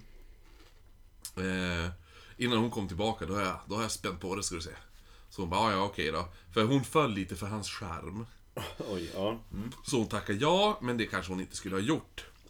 Kanske. Hon hoppade in i hans bil och de körde en bit till en övergiven plats där vid sågverket. När de parkerat så tog hon av sig sina byxor. Ja. Och när Peter såg det här hade han fått, då fick han stånd direkt. Oj. Han hade bånge. Liksom. Han gick då ut och så skyllde han på "Ja, jag måste gå och pinka. Sa han. Men det där praktståndet var inte dum. Och då när han kommer tillbaka så frågade han eh, om, ja men är du redo? Eh, alltså, skulle du kunna tänka dig att göra det i baksätet? Och hon bara, ja, jo, ja. Ja, hon sa ja, visst det här. Och medan han skulle tränga in, alltså, i henne Ja. med sin penis, sittpinnen. eh, Så höjer han sin hammare och så slår han, alltså, så slår han till henne. Ja. Ja. Och, och vad heter det nu? Grejen är det att han lyckas slå hammaren rakt ner. För han, han ska ju som, de står ju som i baksätet, han står ju som bakom henne. Ja. Och hon är ju redo för att bli påsatt liksom. Men det han gör istället är att stå bakom och så höjer han upp hammaren. Och så sen, då slår han när hon ska in där i baksätet. Och då, vad heter det nu? Eh, då, då slår han och så träffar han biltaket Men fan. istället. Eh, och det här gjorde att hammaren tvärt fastnade i biltaket också. Oh. Och så, vad heter det nu? Och den snuddade bara som till henne. Ja. Ja, så att det vart som en sån här... Alltså, tvär, förstår du? Att han slår och så tar det tvärstopp och sen fortsätter slaget och så blir det som att han touchar henne. Ja. Ja. Eh, och hon sa då There's no need for that. Eh, you, you don't even have to pay. Hade hon sagt. Ja. Ja. Men Peter fortsatte att slå henne. Oj då. Även när han upptäckte att han var synlig för två taxichaufförer som stod en bit bort. Men gud. Ja. Eh, Men han kommer då på en idé för att få tyst på henne så ingen skulle upptäcka dem. För hon ligger och skriker liksom. Så här, "Oh, stopp, stopp. Typ så här. För Peter var ju fortfarande som sagt hård. Ja. Han hade ju fortfarande sitt stånd. Så han sa att om hon bara är tyst eh, så skulle han inte göra henne alltså, illa. Något mer. Och så började han istället ha sex med henne. Ja. och samtidigt som han har sex med henne så tar han nu fram en kniv. Och medan de har sex så börjar han hugga henne. Va? Efteråt så slet han av henne kläderna och skyndade sig hem där han tvättade rent kniven och la tillbaks den i knivlådan. Men vad gjorde han liket då? Det kommer till det. Eh, den här kniven kom att användas dagen efter av Sonja medan hon lagades, eh, lagade kvällens middag. Åh. Eh, Rita ra- rapporterar systern då, alltså Helen, försvunnen efter tre dagar. Så deras 20 minuters system verkar ju inte ha varit så bra. Nej. Vi har 20 minuters buffersystem, om vi inte är tillbaks då, då, är, då betyder det att något har hänt den andra. Ja, vad gör vi då? Då väntar vi tre dagar. An eternity later. Ja. Hon var ju, eller så hatade hon sin syster. Eller hur? Nej, men det tog 10 minuter för polisen att hitta henne vid sågverket. Det roligaste är att föräldrarna bara... Men hon var ju hemma. Nej, det var nog... Ja, ja, exakt. Det var nog hennes syster. Ja. Silly me. Eh, De kom inte ner till middag samtidigt. Så sant, så sant. han hade ju gömt henne under någon bråte va? Så Ja. de, de letade igenom sågverksområdet och då hittade de henne. Ja. Väldigt fort. Eh, dagen efter mordet så hade även arbetarna som jobbade i sågverket hittat hennes trosor. Och då hade de, efter det, när de hittade dem, så hade de spikat upp dem på husväggen. Men va? För lite så här, för skojs skull. Eh, George Oldenfield, polisen där, han gick nu ut i radio och bad alla kvinnor att rannsaka deras manliga bekantskapskrets för att få fast The Ripper som nu mördat sju kvinnor. Ja. Men bara en oskyldig. Ja, eller hur? Precis. Alla andra får skylla sig själva. Yvonne Peterson, hon som hade gömts under en soffa, kommer du ihåg? Ja. Han som man stoppade ner Hon som ruttnade där ett par månader. Eh, hon, hittas i, hon hittades då i mars nu. ja. Och man kopplar då in utredaren John Dummel. Eh, belöning för tips som skulle leda till mördarens gripande ökade från 5000 pund till 10 000 pund. Och senare 20 000 pund. Oh. The shits... Synd, att- synd att man inte bodde i Bradford på den tiden. Vadå då? Ja, men Titelönen. Ja, jo, fast... Vadå då? Ja men det var ju ingen som kunde claima den. För det var ju ingen som gav något tips och han åkte fast. The Shit Squad började hålla... Alltså kommer du ihåg dem? Mm. började hålla koll och registrera alla bilar i Leeds och Bradford. Speciellt i Manningham Area och Chapeltown, där Peters röda Ford Corsair hade syns sju gånger på Lumb Lane. De gillar att göra sakerna väldigt noggrant. Alla bilar vill jag ha! Ja. Alltså det finns väldigt många bilar i Bradford och Huddersfield. Ja, men all! Alla! Ja, men så några till och med bara bilvrak som står på skroten. Ja, de också! Ah, Alltid med en registreringsskylt. Ja men det är så likadant med den där 500, Ja. alltså punds, nej 5 pundsedeln. Ja. Okej, den här är- ser ut att vara nyutbetald. Ja. Vi kollar vart den, ja det är de här 150 olika företagen som kan, kan ha fått den. Mm. Då ska vi a- förhöra alla deras anställda. Ja, det är 8000 människor. De ska förhöras. Då börjar vi då. Ja, exakt. Eh, nej men så att eh, eftersom som hans bil hade synts sju gånger på Lumb Lane som då är en... Undrar varför ingen taxichaufför bara, jo men det var någon som skrek och hade sig. Ja. Nej men för Lumb Lane är ju en gata som... Som heter många prostituerade vistas kring då.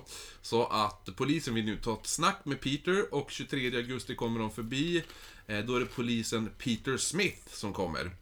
Eh, han förklarade att han alltså Peter Sutcliffe förklarade för Peter Smith att han hade kört förbi där på väg till jobbet. Vars jobbar du då? Ja, men han jobbar ju som... Eh, Ja, men säg polisen. va? Polisen frågar ju, vars jobbar du då? Ja, men då sa han ju vart han jobbar på det där uh, före... Han körde ju lastbil liksom. Ja. Eh, Sonja sa att hennes man nästan aldrig var ute om nätterna. Det man gjorde under polisens intervjuer var också en grej. För att när de ville be om, de bad om lite mer te från frun i huset. Ah. För då kunde de skynda sig och fråga om prostituerade och sex. Oh. Eh, för att inte göra frun generad, brukar man säga. Eh, och det tråkiga under den här intervjun var det att Peter Smith inte... Va? Att han inte hade någon fru, jag på att säga. nej, nej, Peter Smith, polisen. Ja. Han visste eh, inte att eh, Sutcliffe redan blivit förhörd två gånger angående den här fempundsedeln. Eh, det förhöret hade inte hunnit bli registrerat och det var 8000 förhör som låg i en hög. Ja. Och hade Smith vetat om det här va, Ja. hade han kanske också kunnat, alltså liksom, lägga ihop, Pusha lite mer. Ja. ja men lägga ihop ett och ett liksom. ja. Ja. Fempundsedel. Jo. Kör bil. Jo, men eh, han, att han, han är en av dem som skulle kunna ha haft den här fempundsedeln. Och, ja, sådana där. Så att, och då kanske han, han blivit lite mer misstänkt. Ja. Ehm, nu tackade han bara för sig och gick. Tack för teet. Ja, men du fattar Alltså bara- det här. Okej, nu ska jag förhöra. Ja. Eh, kan jag få lite mer te? Okej. Nu berätta fort. Brukar du knulla eh, prostituerade? Men Svara, du behöver inte vara generad. Säg bara, brukar du göra det? Jag blir inte arg. Åh, där kommer teet. Åh, vi pratar ju inte om något speciellt alls. Och så sen 8000 koppar te senare.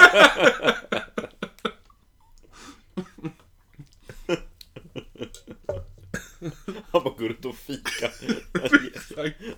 Upp Vad jobbar din man med? Han är professionell fikare, han.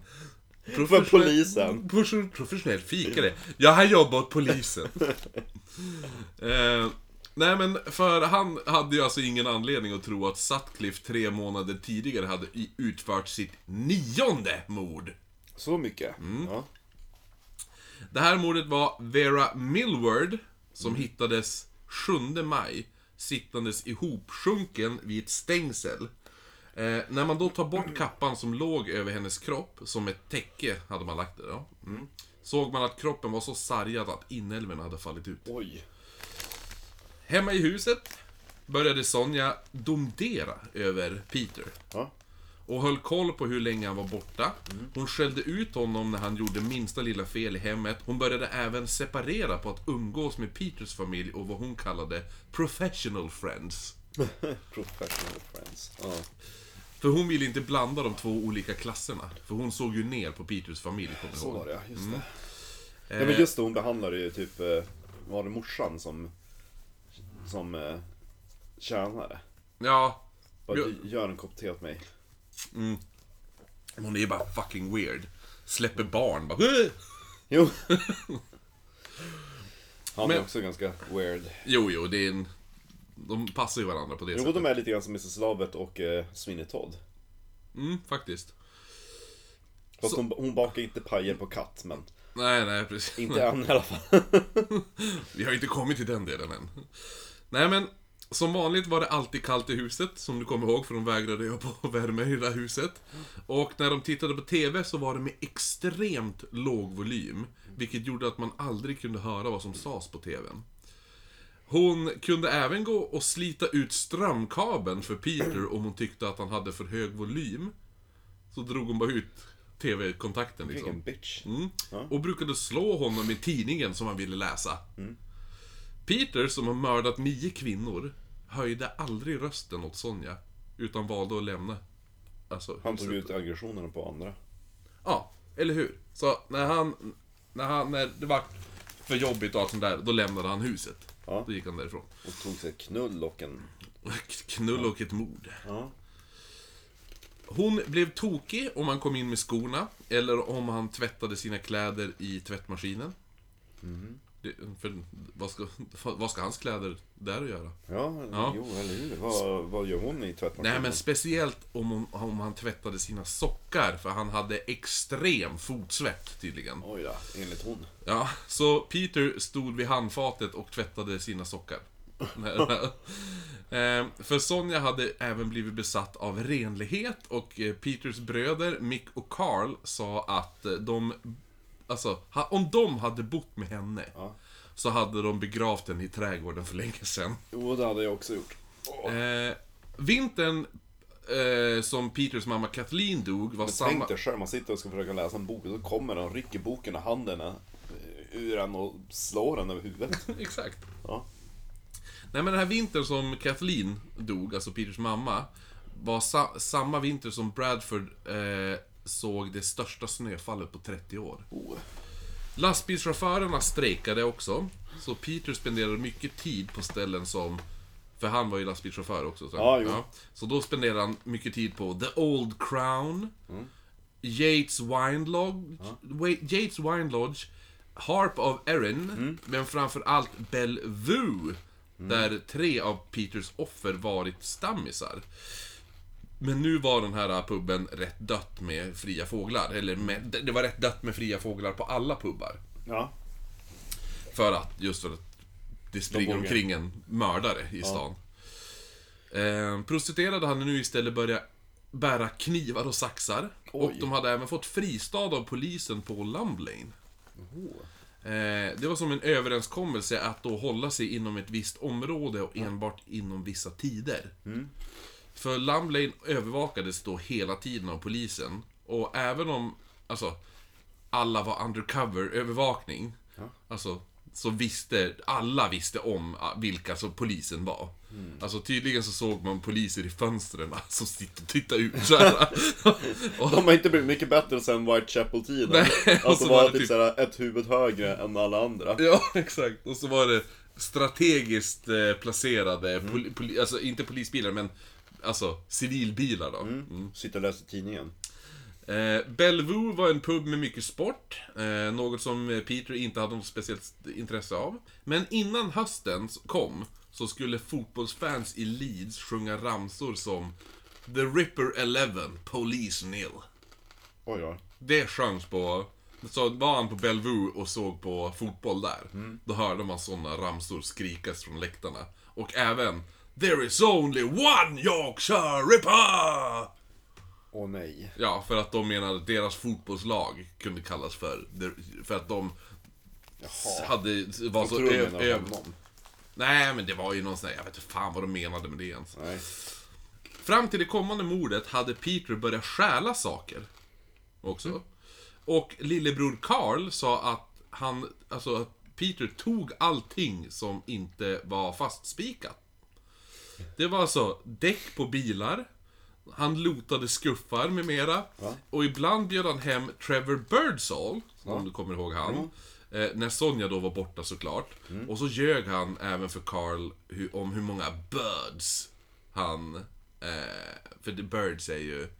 Det är som en brud. Ja. Ja, det är ju en foyer. Ja, jo fast det, birds är väl också bara brudar. Ja. Som har suttit på hans pinne. Ja, och det var det han sa. För han brukar säga att han och, alltså, alltså när, när inte Sonja är i huset, då brukar jag och Trevor festa. Och fatta hur många brudar vi har i huset då. Så, men då varje gång Carl kom förbi, så sa han bara, nej men alltså de var här nyss, men jag skickar hem dem. Man bara, ja jo du. Det är liksom helt skinande rent här för din fru går och knuggar golvet. Varse. Nej men alltså de var här nyss, men jag skickar hem dem. Ja men, ja. Alltså sen städade jag. Visst var det så Trevor? Ja, ja. En kväll efter... Trevor och jag hade ju trekant vet du. En kväll efter han hade hängt med Trevor så skjutsade han hem honom då. Trevor klev ut ur bilen men re- reagerade på en sak som han tyckte var konstig. För när Peter sen körde därifrån så svängde han av i motsatt riktning från sitt hem. Så att han borde ju svängt vänster, men han svängde höger. Eh, Eftersom polisen övervakade alla Red Light-distrikten började Peter köra mot Halifax. Där han fyra år tidigare attackerade Olive Smelt. Eh, för i, där i Halifax så fanns det inte riktigt ett Red Light District. Nej. Utan det var, men det var... Alltså, det fanns prostituerade men det fanns inget riktigt... Nej, de drev runt lite Ja, som. exakt. Strosa. Jo, Ja. drog upp kjolarna i... De flanera. Ja. Ja. Han får då syn på Josephine Whittaker, som vandrar själv längs en gata. Peter parkerar bilen och vandrar ikapp henne. Han frågar då om hon har långt hem. Och hon sa att eh, det är bara en liten bit. Och så sen svänger hon av för att gena över Saville Park. Ja. Peter, han försöker som skämta till det. Medan han också svänger av. Och Är du på väg till soptunna? han frågar om hon, ah, har du övervägt att skaffa körkort? sa han. Ja. Ha. Eller...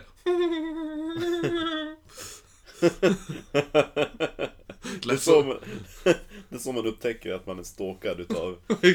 Det, lät, det här skrattet lät även för övrigt som eh, the cutscene mell, eh, vad heter det nu, me, mellan olika scener i Batman, i 1960-tals Batman. Ja, lite grann. Ja du. Eh, nej men så han säger bara ha, Har du tänkt på att skaffa körkort eller?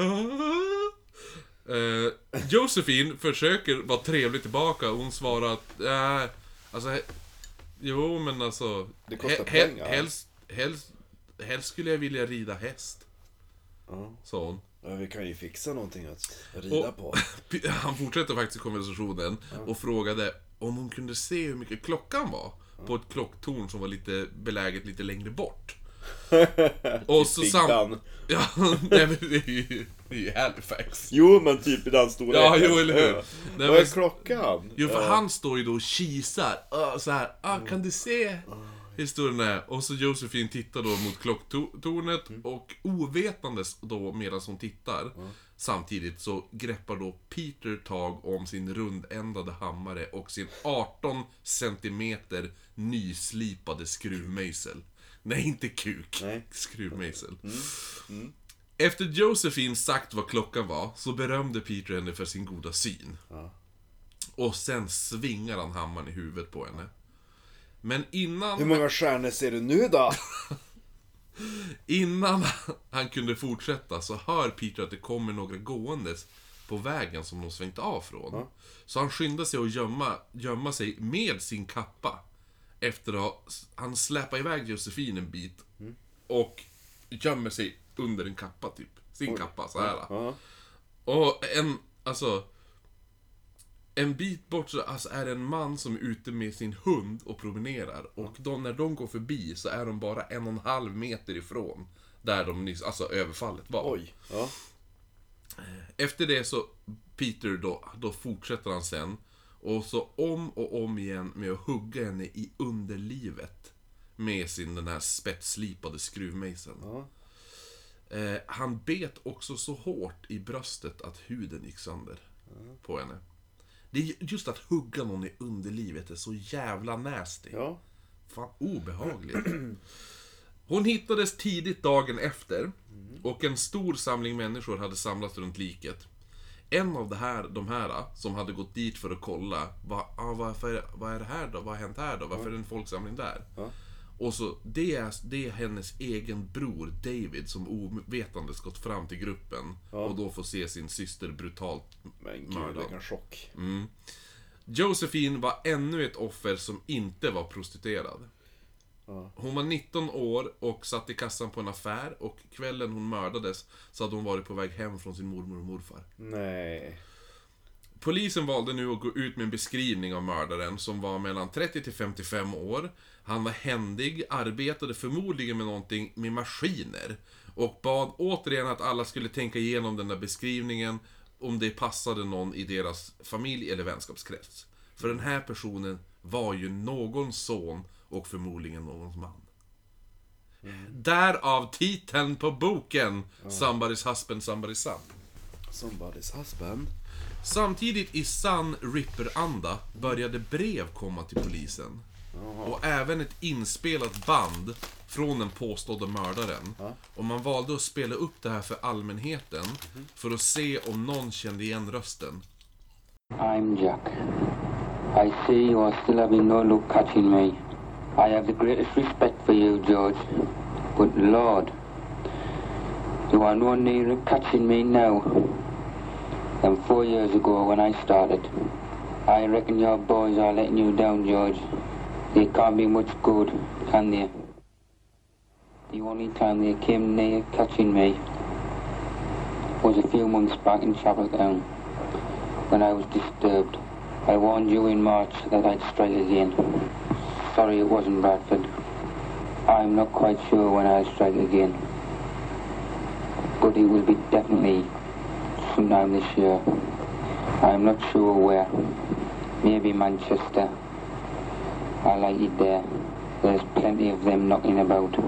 They never learn, do they, George? I bet you've warned them, but they never listen. Well, it's been nice chatting to you, George. Yours, Chuck the Ripper. No good looking for fingerprints.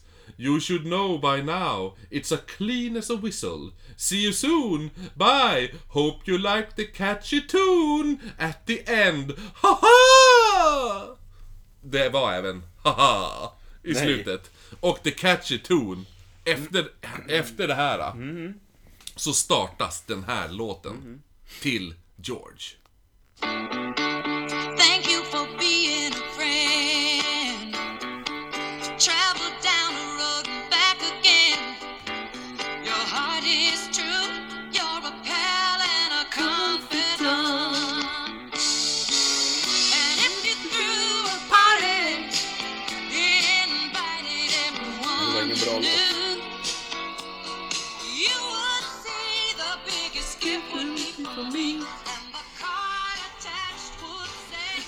You for being a friend.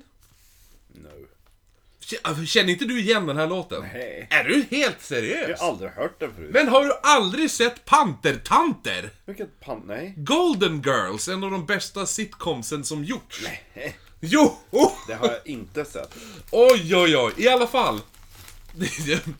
Den, den låten spe, spelas upp i slutet. Golden Girls-introt. Men jag tror Golden Girls hade ju inte släppts. När, när, vad heter det nu? The Ripper-bandet kom. För det Det här, känns inte så seriöst att ha en Ripper-låt i en sitcom. Eh, rösten, eh, inte min röst, utan den riktiga rösten i det här brevet, var inte en Hello! röst, utan det var en Geordie accent. Ja. Och, Geordie. Ja, Geordie accent. Och saliven på brevet var blodgrupp B, vilket också var Peter Sutcliffes blodgrupp. Men Pe- Geordie, det är ju de som är uppe från Newcastle.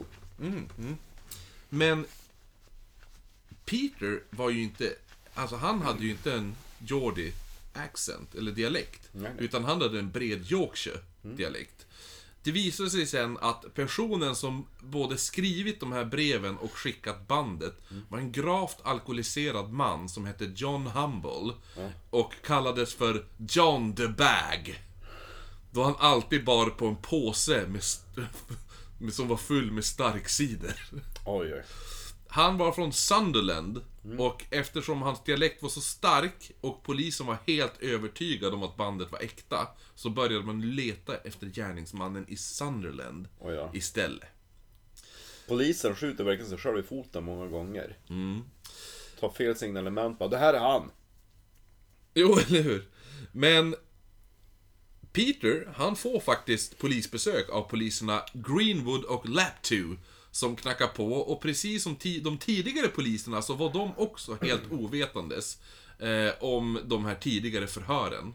Gud vad nervös han måste bli varje gång det kommer en polis. Ja, men för de eh, visste ju inte För ett förhör var att han, han, hans bil har synts i Red Light, Red Light District. Eh, Två tidigare var ju om fempundssedeln. Eh, Så att efter det här, vilket nu var, alltså sammanlagt hade han fått fem separata förhör angående Yorkshire Ripper-morden. Men ingen kunde alltså märkt att det hade blivit fem stycken. Nej, det, nej. Och anledningen till det här besöket nu var att han, hans bil hade nu synts 36 gånger på Lumb Lane. Oj då. Ja, så de bara, det här är lite weird. Vem räknar dem? Ja, men de registrerar ju all, Ja, all, det. allt. Ja, ja. Loggar i alla bilar. Och Laptoo, han kände att det var någonting som var lite off med Peter och Sonja när de förhörde, eller, ut, eller pratade med dem då. Hon gick och drog ut TVn hela tiden. Exakt. De satt där helt stel och tyst och Laptoo, han tänkte att han skulle lätta på stämningen lite. Så han skämtade till och så sa han att eh, Nu är det ju bra tillfälle, tillfälle för dig Sonja, om du vill göra dig av med din man. Ja, Ja, ja. ingen skrattade. Bara, bara Laptoo.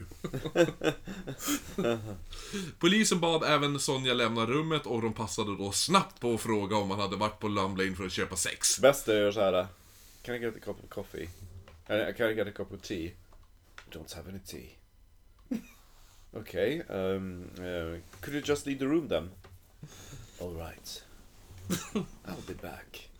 Men Laptoo i alla fall, han följer sin instinkt. Och han kollar nu upp Peter efter förhöret. Ehm, och ser att han har arresterats för förberedelse till inbrott. Kommer du ihåg den första gången när de hade hittat honom i en buske med hammaren? Ja, jo. Eh, och Laptoo rapporterar det här till sina chefer, men eftersom hans, hans, alltså Peters handstil inte matchade Ripper-breven, eller eh, Sunderland, att dialekten var samma. Alltså, Sun, man kallar dem för Sunderland-breven också. För, han, ja, för det var en Geordie accent man letade efter, och det hade ju inte Peter. Så då la man det under filing, tillsammans med 10 000 andra papper som de inte har kollat igenom än. Yes. En månad efter det här polisförhöret till Laptoo, eh, med, med Laptoo och fem månader efter det mordet på jo Josephine så be- beger sig Peter ut igen. Det var första lördagen i september 1979. Peter körde sin mörkbruna Rover i ett område som hette Little Horton. Och när klockan är kring ett på natten ser han hur en tjej lämnar då en grupp människor utanför puben The Manville Arms längs Great Horton Road. Peter körde om henne medan hon gick längs vägen. Han svängde av och parkerade bilen en bit ifrån henne. Medan han klev ut ur bilen kom ju hon upp, för han har ju kört om henne och parkerat, så nu kom ju hon upp bakom honom. Och passerar Peter. Och obemärkt då så smyger han ju upp bakom henne. Och som med de här andra offren, offren så slår han henne med en hammare. Han släpar in henne på en bakgård där han ostört kan börja hugga henne med samma vässade skruvmejsel som han hade använt på Josephine Whittaker när han högg henne i underlivet. Just det. Han gömde sen sitt offer under en tyngre matta och hon hittades inte. Det tog 36 timmar innan man hittade henne. Precis. Så den här tjejen som är nu Rippers senaste offer visar sig vara den 19-åriga studenten Barbara Leach som studerade på Bradford University. Det jag har studerat. Det här mordet satte skräck i alla kvinnor i West Yorkshire. Då vem som helst tydligen kunde falla offer för The Ripper. Inte bara... Det är både skyldiga och oskyldiga. Jo, men exakt. För att det, det var... Nu är det ju ännu ett till som inte är. Så att nu, är det, nu börjar ju folk bara, men det är inte bara prostituerade han är ute efter. Det är kvinnor. Ja. Eh, och polisen gick nu ut och sa att all, alltid använda upplysta gator när man går någonstans, att inte gå själv med mera och sånt där. Eh, en som verkligen var, var rädd för The Yorkshire Ripper var Maureen Sutcliffe, alltså Peters syster. Och hon började bära en kniv. Ja. Eh, Hon sa även till sina bröder lite på skoj att de får aldrig smyga upp bakom henne och skrämmas. Nej. För, så att hon inte vänder sig om och börjar hugga dem. Ja, jo. Ja, så rädd var hon för, för Sin egen bror. sin egen bror utan att de visste om att det var han. Peter, som visste att hans syster och även då Sonja var rädd för The Yorkshire Ripper, lovade dem att han eh, skulle skydda dem från The, från the Ripper. Och eh, ställde upp med att skjutsa och annat, så att de inte skulle bli överfallen av The Yorkshire Ripper. Ja. Det är Bäst är att han bara, jag lovar han kommer inte göra någonting ikväll. Ja, ja. Vet du det? här? Jag känner på mig. Det var även vid den här tiden som lillebror Carl Sutcliffe väljer att flytta ut i skogen. Jaha. Ja. Han blev i princip uteliggare i ett skjul i skogen ett tag. Fram tills han då blev tillsammans med flickvännen Sue, och de passade även på att försöka dubbeldejta med Sonja och Peter. Oj då. Det var inte speciellt lyckat. Nej. Nej. Det är Ute- inte världens festligaste par att käka middag Nej men med. kul att gå på eh, middag med de två liksom. Ja, Fy fan. verkligen. Hon springer och drar ut TV-apparater överallt. Jag tänkte gå på bio med hon. Ja, exakt. Sänk huvudet! Ja. Utredningsmässigt då, hade det 1979 gjorts 150 000 intervjuer. Ja. 27 000 hembesök. Så att det är många. Can you get me a spot of tea? Verkligen. Plus att han som leder The Shit Squad, George Old, Oldfield, visar sig ha ett ganska stort alkoholmissbruk. Som framkommer efter att han blivit tvungen att ta sig till sjukhuset och han har fått hjärtkramper. Ja, det var ju tur att de inte frågade va? Can I get a whisky? oj, oj. Eh, Efter det så tar man bort honom från fallet och Oldfield blir sjukskriven på heltid. Det var så det började i Investigation. Men han blev så jävla full. Ja, ja. Trouble you for something? Nej men så efter... Brandy would be nice. Han, har- han har då, han, han blir nu sjukskriven på heltid efter att ha jobbat under två år. Mm. Så har han jobbat 16 timmar om dagen, 6 dagar i veckan. Nej, Det är, då är man hängiven. då är man Och utbränd. resten av tiden så sov och söp han. Han, han drack nog ganska mycket på jobbet. Han levde också. för sitt liv. Jobb. Ja, levde för sitt liv. Ja. Polisen fattade också till slut att bandet och det här brev, de här breven var en bluff då ingen av de överlevande vittnena någonsin påpekat att gärningsmannen skulle ha en Geordie-dialekt. De tänkte inte på det. Nej. De frågade allmänheten bara, jag känner igen den här rösten. Och så, bara, alltså ursäkta, jag var ju ett utav offren. Ehm, Jag överlevde ju och eh, han hade en, en Yorkshire-dialekt. Vi frågar inte dig, Nej. vi frågar allmänheten.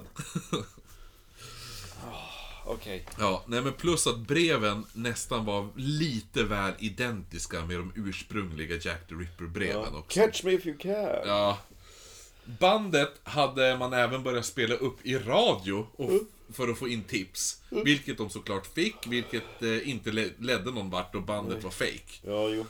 Men eh, man envisades med att följa upp eh, varenda litet tips, som sagt. Som de, Vilka resurser på ingenting. Ja, så de kämpade... Eh, samtidigt som de kämpade på med vanliga utredningen. Ja. Så då hade man till slut en lista på misstänkta människor. Oh. Det var bara det att det var några namn på den här listan. Hur många tusen? Ja, hur många skulle du tro att de har... Det här är, det här är våra misstänkta. De har intervjuat 8000. Nej, de har gjort 27 he- 000 hembesök och intervjuat 150 000. Och då är det kanske 28 8000. 17 000 personer va- var på misstänkta listan. Ja men du. Och Det... Ja, ja, okej. Vi måste göra uppföljningar och nya hembesök. Nej, nej. polisen ha, Han får köra sån här skip. Ja, jo. Sån där Jo, jo, exakt. permobil. Han blir så fet invalid. Polisen, de hör faktiskt av sig en gång till då Peters namn alltså hela tiden dyker upp i utredningen. Det var inte bara så att de tyckte att de hade fantastiskt gott te där. Ja, exakt. Men, Nej, varenda gång de var ute. Och så bara fan, jag glömde ju plånboken hemma. Jag, så, fan, alltså, jag har inte med mig någon lunchlåda heller. Ja, men, ja, vi far och förhör Peter. Pete, ja. Nej, men, Nej men för hans namn poppar ju upp hela tiden. Mm. Och då, så nya poliser kommer ju och eh, förhör, men... Eh, alltså, då man aldrig hinner jämföra misstänkta så missar man. Alltså, man missar han om och om igen att, att det här att han dyker upp hela tiden. Hade man haft datorer, då hade man kunnat haft så här frequent... Eh, Ja, det här hade varit över skitfort ifall en dator hade kunnat göra. Alltså, precis bara... Eller hur?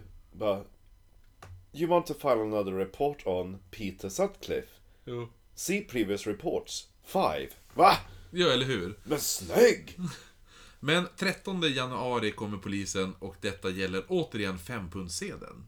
När polisen kommer och pratar med honom så bär han alltså då eh, de skor han haft på sig vid Josephine Whittakers mord. Jag tror du skulle säga komma bärandes på tekanna. Nej, nej. nej men alltså skorna, Ja, han, jag knullar.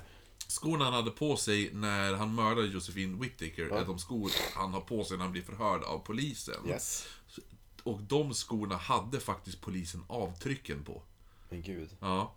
Tur att, att frugan städade så noga så det fanns ju inte någon minsta lera kvar på dem. Nej, men eh, polisen eh, missade även den här detaljen och kolla skor. Jo, de satt ju och drack bara te. Jo. 20 januari är de tillbaka med ett nytt ärende. Den här gången kollar man hans kläder. Och frågar Sonja om hans alibi stämmer, vilket hon såklart in- intygar. Vars eh, tvättmaskiner, kan vi få se på tvättmaskinen? Ja, alla kläder hittar du i den högen, förutom strumporna. De är i handfatet. De frågar även om hans sexual... Eh, Drift. Alltså drift. Som tydligen ska ha varit normal enligt eh, paret Sutcliffe. Hur många gånger får, får du kuk, Mr Sutcliffe? Polisen dyker även upp den 2 februari. Och pratar då igen med Peter och tar även hans bild. Men som sagt, allt det här, alla de här besöken som nu var, det är ändå tre besök på bara ganska kort tid, bara här. Och då hade de ändå gjort sex besök tidigare också. Ja. Eh, alla, all, allt det här, det läggs då på, alltså, hö, högar som bara blir högre och högre hela tiden. Jo. Eh, lillebrorsan Carl, som nu alltså inte bodde i skogen längre, han började störa sig mer och mer på Sonja. Och, Som say person would. och hennes pedantiska beteende störde han sig extremt mycket på. Ja. Hon torkade barstolar innan hon satte sig på puben. Även folks alltså, egna stolar stod hon och putsade i två minuter innan hon kunde sätta sig. Alltså om hon for hem till dig, Två minuter. så stod hon i två minuter och putsade den. Ja. Karls flickvän Sue och Sonja kom mot alla odds överens faktiskt. Men besöket sommaren 1980, det vart det sista besöket. Ja, Ja, som Carl och Sue gjorde. det var droppen. Sonja hade tydligen bjudit in dem på middag. Och när de kommer dit så öppnar Peter dörren och så välkomnar han dem in. Ja. Men när Sonja såg dem så stormade hon bara iväg. Och så in i ett annat rum. Där hon spenderade hela kvällen för sig själv. Utan att säga någonting. Vägg i vägg med Peter, Carl och Sue. Hon, sitter, ja, hon sitter ensam i det rummet. Men Peter han går ju som dit då och då för att titta till henne. Och varje gång så hörde Carl och Sue att de började bråka. Anledningen till, till hennes det här, det här beteendet nu, det var att hon var sur över att de kom... Alltså, de hade inte meddelat att hon skulle komma. Men, Det var ju hon som bjöd dem. ja. Ja. Du ser ju, hon är ju knäpp. Ja. Skjut hon. Eh, en annan sak som hände i slutet av den här sommaren, eh, som Carl också reagerade på, var inte Sonjas beteende, utan Peters. Carl såg nämligen när Peter bytte från rena kläder till smutsiga kläder. Ja, och Carl tänkte att det kanske inte, alltså det var kanske inte så konstigt då han brukar göra det när de skulle arbeta på någon motor i garaget och sånt där. Men det som var konstigt var att han gömde de rena kläderna bakom en tvättmaskin. Och när Carl en månad senare eh, kollade bakom här tvättmaskinen så låg de där kläderna kvar där. Och Carl tänkte direkt på vad polisen sagt. Att The, the Ripper är förmodligen, alltså att han har förmodligen ställe där han tvättade och rengjorde sig på. Hade polisen gått ut och sagt. Eh, och Carl hörde då av sig till storebrorsan Mick och sa då till han Citat! I'm sure our Pete's the bloody Ripper. Men gud. Och då hade Mick skrattat. Bara för, för den biten. Ja, jo, för han, han, han tänkte jag, jag är säker på det. Alltså jag tror fan det är han. Och då hade Mick skrattat och hade kallat honom för Daft. Men jag fattar inte varför, varför har de rena kläder bakom tvättmaskinen? Men det är hans, alltså de där rena kläderna. Ja. Var ju kläder han hade haft på sig. När han utförde ett mord. Jaha, men de var inte rena. De, så att de är ju... Det är ju, det är ju... Kan ju finnas bevismaterial på dem. Ja. Ja. Ehm, och, eller blodfläck eller någonting sånt där. Men de är inte speciellt smutsig smutsig. Nej, Nej, men han gömmer ju dem då. Ja. ska bränt upp dem. Peter hamnar igen hos polisen, men den här gången efter hans bil syns stro, eller strosa har de väl inte gjort, men den har längst köra då längs Manningham Road. Han blir stoppad och får blåsa och det visar sig att Peter var alkoholpåverkad. Oj då. Så han tappar körkortet. Och i och med det så förlorar han sitt jobb. Choppy choppy. Ja, för att han har ju ett, eh, han kör ju lastbil. Jo du. Ja. Polisen rapporterar att han kanske kan vara, vara för intresse för The Ripper Squad, eller The Shit Squad, som de också kallas. Men eh, då när de får in det här tipset, så säger de nej men vi har redan strukit han. Nej. Strax efter det här skulle... man först, The Shit Squad är ju ett väldigt bra namn. Shits Creek Squad, typ. Alla går runt som Roland. Exakt. Efter det här så skulle Peter hitta ett nytt offer. Den Inget här- nytt jobb, nej. Nej, inte ett nytt jobb, han hittade ett nytt offer. Ja. Den här gången var det den 47-åriga Margaret Walls. Oj då. Hon hade fått syn, eller han hade fått syn. Han hade fått syn på henne medan han körde genom Farsley. Men den här gången valde Peter att strypa sitt offer och inte använda kniv. Bara för att byta profil. Ja, För att lura polisen till att det kanske att det skulle vara en annan mördare. Ja, det var ju smart av honom. Ja, för det fungerade. Gjorde det? Polisen valde att inte räkna med det här som ett Ripper-fall, då hon inte hade blivit ripped. Eller uppskuren då. Ja. Ja, hade fått en uh, skruvmejsel i benen. ja, eller hammare i huvudet. Ja. Eh, eller ja, hon hade däremot faktiskt som alla andra offer blivit slagen med en hammare i huvudet. Jaha, Eftersom, men eftersom ingen kniv använts så var det inte Yorkshire Ripper. ansåg de. Ja, men hon hade ä- ändå blivit in, fått huvudet inslaget med en hammare. Varför ska... Det duger med något annat också, tänker jag. Vadå? Att slå. Nej. Jo, jo, men hammare, jo, men hammare är ju bra. Alltså, Jo. det är ju lättillgängligt. Det är ju inte speciellt, det är ju, alla har ju en hammare. En kofot? Ja, men vad skulle han, vad det, alltså, ty, tycker du att det är dåligt att använda en hammare eller? Nej men eh, om han bara, jag ska lura polisen. Jaha, du tänkte så. Ja, men det, han lurade dem ju ändå. Ja, men då är det kanske mer tur än skicklighet. Då han använde hälften utav mordvapnen. Jo, men grejen är ju det att jag stör mig ju på att de har döpt han till The Ripper när han använder hammare. Det hammare är Ja. ju hans grej. Ja. Han borde han ska ju inte heta det, han ska heta The Yorkshire Hammer. Horror. Ja, Hammer Horror. Efter Kate Bush-låten. Två veckor senare, 24 september, slår Peter till igen. Hans offer den här gången var upp... Uppady... Uppadya... Upp och, dy, upp, upp och dyk. Uppadya Bandara. Ja. Som var en 34-årig läkare från Singapore. Så den här Bandara, Bandara, Bandara. Hon, bo, hon hade jävla tur som överlevde.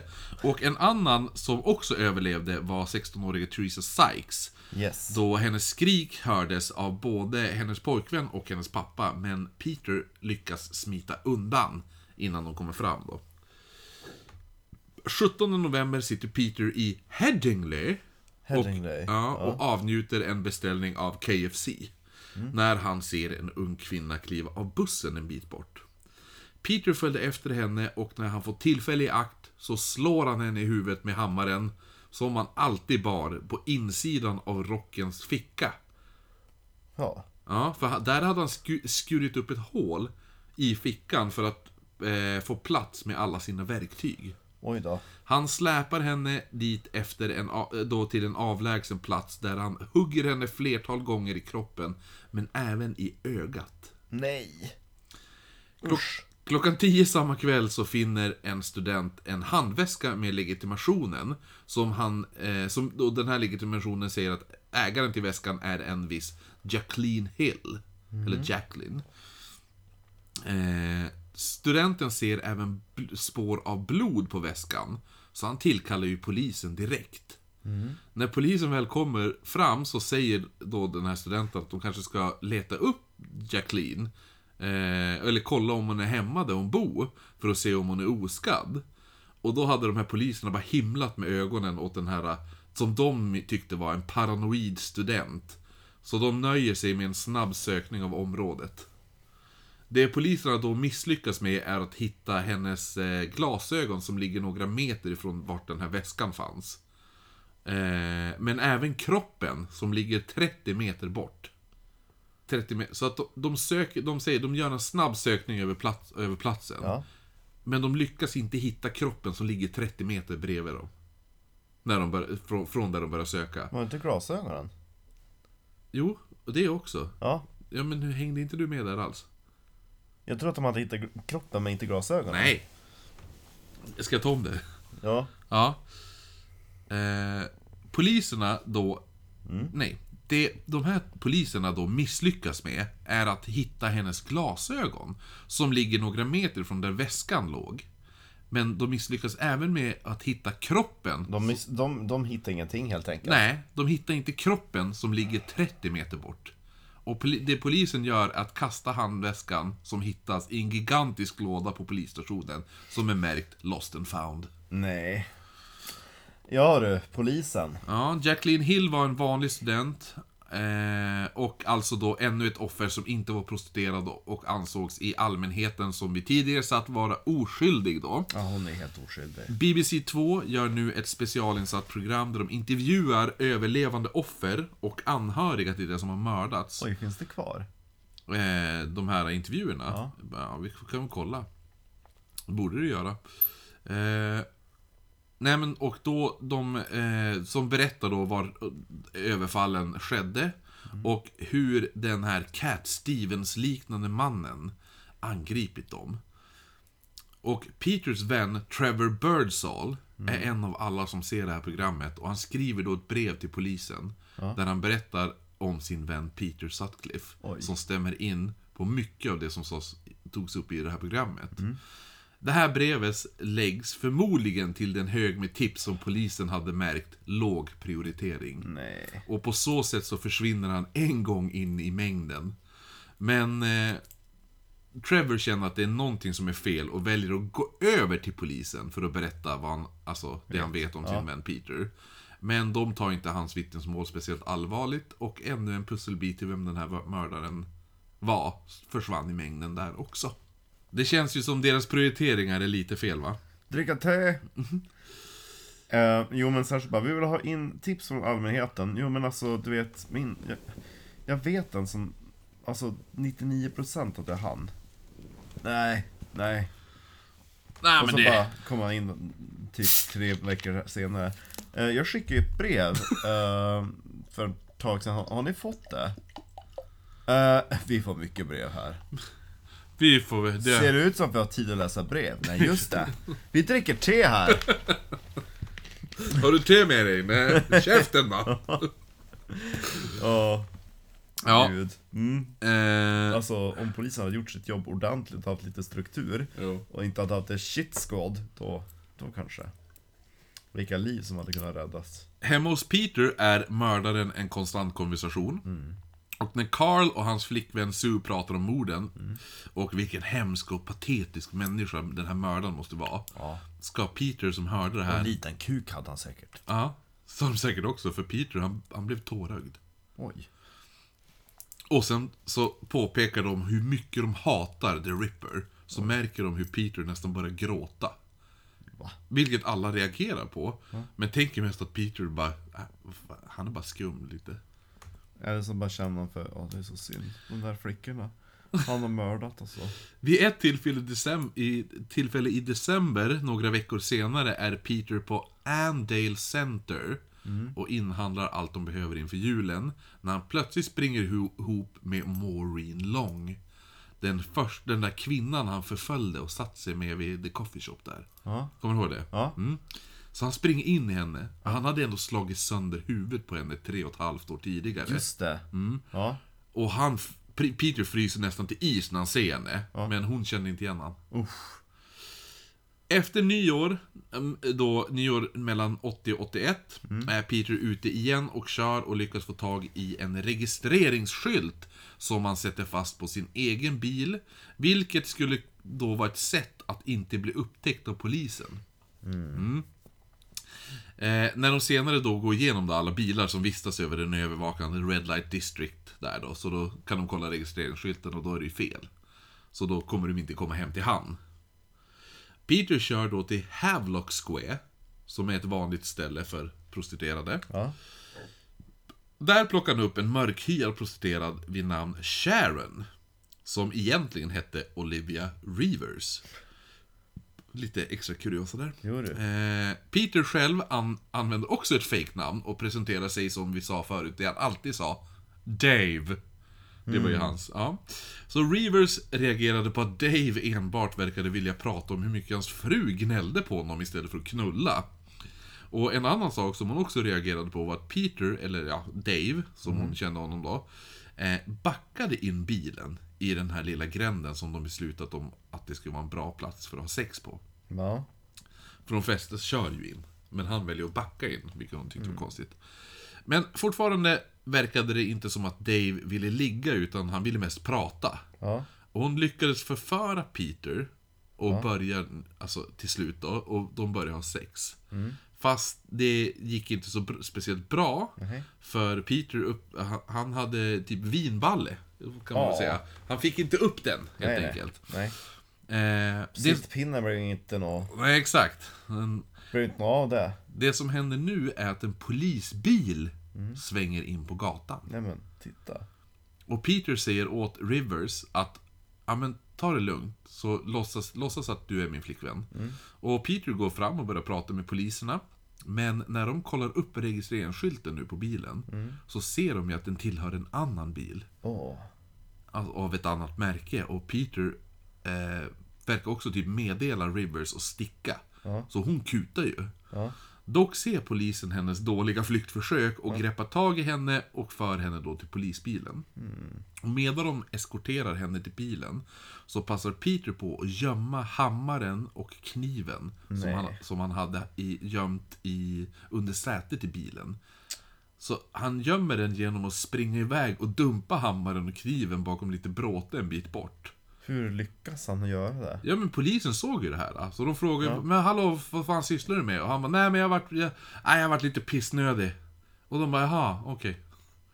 Så polisen köpte det och, Du, hamma, bara, du hann inte ens dra fram kuken. Ja, och hammaren och kniven lämnades kvar på platsen. Polisen kollade inte ens. Eh, Peter hade även en kniv kvar i hålet i jack, jackfickan där. Men den kniven dumpade han i en soptunna på polisstationen. För han tog sig dit då. Ja. Vanligtvis hade nog Peter släppts ganska snabbt och var nära på att bli släppt. Men eh, polisen hade sån extrem press på sig. Så man valde att hålla kvar honom lite till. Och han fördes då till The Ripper Room. Som de kallade det. Och här blir han utfrågad av den utredaren O'Boyle som har tagit över efter den här förra eh, han alkoholiserade mannen som fick en hjärtattack där. Eh, så han är alltså nu den som leder The Shit Squad. Och som sagt är han faktiskt nära på att släppa Peter. Då man tänker att han bara är en i mängden av alla som de förhört. Men polischef av West Yorkshire säger att O'Boyle, alltså nej, pressa honom hårdare. Vi ska, alltså, nu får fan, nu får vi, nu får vi skärpa oss liksom. Jaha, okej. Eh, Men nu är vi ju polisstation... Men, men teet då? Han har ju inte ens te med sig, kan vi Nej. inte bara släppa honom? Nej men, Peter får frågor om hans fru och sexliv och eh, om de hade vanligt sex, sa de, vad det nu är. Eh, Peter svarade... Vilket hår används? Ja. Ja. Och Peter sa att jo, vi har vanligt sex. Eh, något som jag faktiskt hade senast fyra dagar med min fru. Helt vanligt sex, sa han. Samtidigt som Peter är anhållen är polisen hos Sonja och knackar på. Men hon vägrar öppna dörren för hon tror att det är Peter som bankar efter hon har låst ut honom efter de har grälat. Jo, jo. Men man lyckas till slut ta sig in i huset och Sonja blir lite småförvirrad över att en massa poliser stormar in hos henne. Jo, det kan jag tänka mig. Nu tar man då Peters blodprov, någonting man alltså han vägrade först, men efter en snabb diskussion om att man kunde tvinga honom så gick han med på det. Ja. För saken var den att när poliserna som tagit in honom till förhör får höra att Peter hade hamnat i the Ripper Room, så väljer de, då den ena polisen väljer att, eh, efter att ha rapporterat det här, att gå tillbaka till platsen där Peter sa att han skulle pinka. För känslan, det var någonting udda med det där. Jo du. Och det var Som konst, sagt, hans men hur, hur, hur snabbt gick det att pinka på honom? Ja, för det, det här beteendet, det är inte bra. Eh, och det visar sig då vara en fullträff, då man under sökandet ganska snabbt hittar både hammaren och kniven. Efter det här så erkände Peter Sutcliffe relativt snabbt att han var The Yorkshire Ripper. Så, så det var inget riktigt klimax av utredningen som hela tiden, alltså... Vi are cornering him, I tell you. Ja men det är It's så, only a matter of time. Ja men för grejen är det att... Alltså, Hur många mer koppar te hade det tagit? Ja, för det är ju lite där man tänker att det ska bli ett stort såhär, ah, ett break ungefär. Nu har vi ett break, det är så att det ska Den vara sista pusselbiten. ja, en utredning som där, all, där alla liksom, de alltid är En utredning där de alltid är nära att knäcka nöten, men det är ju inte det. Utan det är bara en lyckoträff, Ja. rent av. Av patrullerande poliser. Och mördaren var inte alls en ondskefull person som satt i sin ensamhet och planerade nästa mord, utan det visade sig vara en helt vanlig person som, alltså som vem som helst. Ja. Va? Ja, inte, ja, inte riktigt så, men ändå, alltså, han var inte det monstret de hade ritat upp han som. Nej, det är ju frugan. Sonja. Ja. Ja. Gud ja, Sonja hon var den riktiga ma- ja, men Peter var en Galningen. Ja, men han var en kuf, men han, det är som, han kan vara ens granne. Mm. Han var såhär, din, din konstiga arbetskamrat liksom. Eh, men det var ju som sagt, det är ingen som visste om det, att det var han som var the Yorkshire Ripper. För han var ju då som sagt nästan en helt vanlig kille. Mm. Och då som vi sa också att jäm, vi jämförde ju det lite med Jack the Ripper. Så öppnar ju det upp sannolikheten om att Jack the Ripper också kunde vara vem som helst. Ja. Ja. Peters enda villkor på att erkänna var att han själv skulle berätta allt för Sonja. Ja, just. Och när Carl och Mick får reda på vem som var The Yorkshire Ripper så sa de att de inte alls var förvånade. Det visade sig sen att Peter brukade klä sig också. I en hemmabyggd knulldräkt. Nej men just det. Ja. Ja. Alltså det var en, en, alltså en dräkt han hade på sig under, under sina vanliga kläder. Vilket då var en polotröja som han hade trätt på mellan, alltså på benen. Ja. Arma, där armarna skulle vara, alltså då hade han stoppat in benen. Ja. Och eh, sen vadderat knäna. Så att han då utan problem kan, kan gå ner på knä under själva dåden då. Polokragen var ju då ö, över som typ Lite som en gloria runt hans kuk. Ja. Blir det ju, ja. Ehm, väldigt så här behändigt och han i princip enbart behövde knäppa upp några knappar för att då snabbt kunna då, vet du nu, onanera. Det var därför att det gick så snabbt han gick och pissade också. Den kvällen. Jo, jo, fast samtidigt måste han ändå dra ner sina vanliga byxor. Jo. Ja. Men eh, så att det han gjorde var ju, för de hittade ju på eh, brott, många av brottsplatserna hittade de ju sperma. Och det visade sig att han har ju stått och onanerat på, på liken. Oh. Ja. Eh, men jag tänker inte gå in på rättegången, för det var en ganska trist rättegång. Men under rättegången så började Sonja manipulera Peter, att han inte, inte fick träffa sina syskon eller pappa. Och eh, så de får ju mindre och mindre tid med Peter. För han blir till slut, han bara nej, nej, jag vill inte träffa er. Nej nej. Och det visar sig att det är Sonja som styr det där. Som Pete, allt annat. ja, Peter själv började påstå att eh, allt han gjort var på grund av Gud, sa han. Och när han, vad heter det nu, att han skulle få all smuts att försvinna. Det var det, Yes. han, det, var det han menade att han försökte. Ja, smuts som filth, alltså typ, ja. Ja. Hororna. Ja. Ja. Ja, och han sa ju också att den värsta av smutsen, det är de prostituerade. Det är den värsta smutsen som finns. Men eh, när man påpekade att vissa av hans offer inte ens var prostituerade. Då han bara, ja nej men alltså jag har känt impulsen att döda dem. Och trott att det var Gud. Men sen fick jag veta att det var fel. Och så var, man påpekade då att det är ju ganska konstigt att Gud skulle haft fel. Ja. Om Gud säger åt dig att mörda dem, Ja. för att de är prostituerade, och sen får du höra att de inte är prostituerade. Mm. Gud är väl allvetande, eller hur? Han bara, ja nej men alltså, alltså, mm, jo, jo det är ju sant. Eh, men alltså det var som mer ett test på att se vad jag kunde klara av. Jaha, ja. De bara, jaha? Ja, ja, nej, så är det inte alls det. Eh, men i alla fall, avslutningsvis så dömdes då Peter till livstids fängelse och psykiatrisk vård. Och han avtjänar det här straffet än idag. Så sitter han, han, de trodde, han fick ju en hjärtattack nyss. Ja, Eh, var nära på att kola. och är typ blind på bägge ögonen. Ja, jo, men eh, ja, han ser ut som en, han ser ut som en riktig jävla... Ja, han ser fan hemsk ut nu för tiden. Ja du. Ja, nej men så att... Eh, det var The Yorkshire Ripper. Ja du. Det var några hammarslag där vi gick igenom. Det blir roligt när du får lyssna, lys- lyssna igenom del två. Ja. För det kommer ju bli då som att du, ah det här, det här känner jag inte igen. Jo, mycket kommer jag känna igen. Ja, ju. inte som i, när var det? H.H. Holmes, var det det? Ja, Ja. del tre. Ja, just det. Ja.